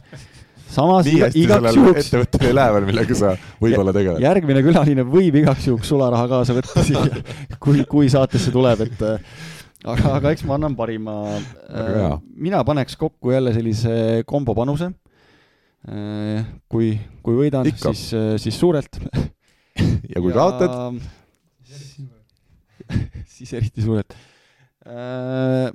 Väga hulluks ei lähe, paneks kokku kolm mängu, kaks neist on CEV Cupis, mis äh,, mida mängib ka Robert Tähe koduklubi. Äh, üks neist siis äh, Skra võidab Toursi, on minu ennustus konfitsiendiga üks koma neli. Ja, ja teine poolfinaal, et Kaasani seniit võidab äh, Vero Volli Monsat. küllaltki, küllaltki loogilised ennustused, ka, ka konfitsiendid vastavad sellele ja paneks sinna kolmandaks mänguks juurde veel Brasiilia liigast, et Sada Cruzeiro võidab Miinast. väga hea. selle konfitsient üks koma kolmkümmend viis teeb minu panuseks kokku, koefitsiendiks kokku kaks koma kakskümmend viis ja, ja nii palju raha, kui meil siis järel 30. on, ma sinna no, paneme kolmkümmend, me ikkagi leidsime veel, ma võtsin Safrist välja, võtsin, mul oli kuusteist eurot võtta, et see neliteist, mis oli alles, sinna paneme kuusteist juurde, nii et kolmekümne peale saab siis selle teha. Väga hästi, nii et, äh, nii et see on minu ennustus. väga hea, läheme edasi spetsialisti juurde number kaks, tere tulemast saatesse, mis on nimi, kust tuled ja mida ennustad? kõlas nagu see Reisile sinuga, et kes sa oled ja kust sa tuled, kui ENSV-d, kes vaatavad, siis eilses ENSV-s oli eile see väga äh, lahedalt välja toodud. nii, kõigepealt naiste äh, Challenge Cup on meil jõudnud poolfinaalideni ja seal on esimene poolfinaal, esimesed poolfinaalid neljapäeva õhtul on äh, Serbia klubi Obrenovac mängib Tenerifega siis ma panen selle Obrenovatši peale koefitsiendiga üks koma seitsekümmend kuus, äh, panen kümme. siis Itaalia naiste äh, liigas on mängimas tabeli põhjas olevad Trentino ja Bergamo omavahel ja seal on äh, päris keeruline ausalt öeldes, kumma peale siis panust teha, kas siis äh, Bergamo peale, kes on eelviimane, või Trentino peale, kes on viimane, sest tegelikult Trentino viimane mäng oli päris hea, nad kaotasid ainult kaks-kolm Perugiale. aga noh, peab otsuse tegema, siis otsus on see, et äh, paneme Bergamo peale üks koma üheksa koefitsiendiga. Ja viimane kümme äh, läheb siis naiste Bundesliga, kus mängivad äh, Vilsbiburg ja Thüringen. Ja seal on äh, tegelikult Vilsbiburgi koefitsient on kaks koma nelikümmend kolm, mängivad kodus ja Thüringenil ainult üks koma viis, aga ma lähengi riski peale, panen siis oma viimase kümme Vilsbiburgi peale üks koma, vabandust, kaks koma nelikümmend kolm koefitsiendiga siis nii, aga mina hakkan nüüd ronima välja, tõe, tõepoolest, kui ma vahel olen seda võib-olla natuke naljaga öelnud, siis nelikümmend eurot näitab juba ohutulesid igalt poolt ja läheb siis minulgi Taavile sarnaselt kombo teele, sest ma näen, et nii hakkab nüüd tulema raha tagasi ja mitte ainult, vaid voolama kohe tagasi. Äh, kõigepealt Belhatov võidab loomulikult äh, Toursi, üks koma neli koefitsient, äh, Kaasani seniit võidab Monsat, üks koma üheksateist, siis on Istanbuli Äh, see põhinaiskond äh, võidab, äh, kuidas ta on? ma ei julge hääldada seda nime, E-tähega algab see klubi siis teine pool Istanbulil, see maailma üks paremaid naiskondi. no peaaegu, üks koma null, null kuus on nende koefitsient, tegu on siis euromänguga, siis võidab äh, Äh, nii, vaatan, kus mul oli siin, üks mäng oli veel naistest, mis on üks koma null viis, lihtsalt noh, et favoriit võidab. siis on meil teada, et äh, Ankara Halkbank meestest võidab Panathinaikost üks koma null üheksa, Pariisi Volley võidab äh, Cambrai Prantsusmaal ja viimane samuti Prantsusmaa liigast tuleb siis Chamont võidab Nanti. kokku kogu sellel kombol kolm koma kakskümmend seitse on võidu siis koefitsient kolmkümmend eurot sinna ja ma näen kohe, kuidas mul on varsti sada eurot rohkem. head sõbrad sellega hakkab saade läbi saama. optimist ütleks selle kohta. kõik tulemused loogilised, koefitsiendid igal pool siis üks koma null viis kuni üks koma neli. mitu mängu kokku oli sul? üks, kaks, kolm, neli, viis, kuus, seitse, seitse. okei okay,, oleme põnevil, ootame järgmisel nädalal ära. jaa, kindel võit siit. Taavi, Mihkel, suur tänu teile täna kaasa löömast, Kertut me täname samuti.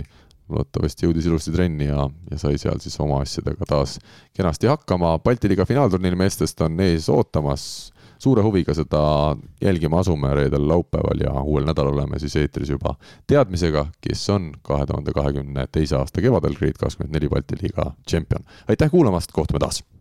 näeme Tartus! nägemin! Eesti kõige põnevamad podcastid on Delfis, kuula tasku.delfi.ee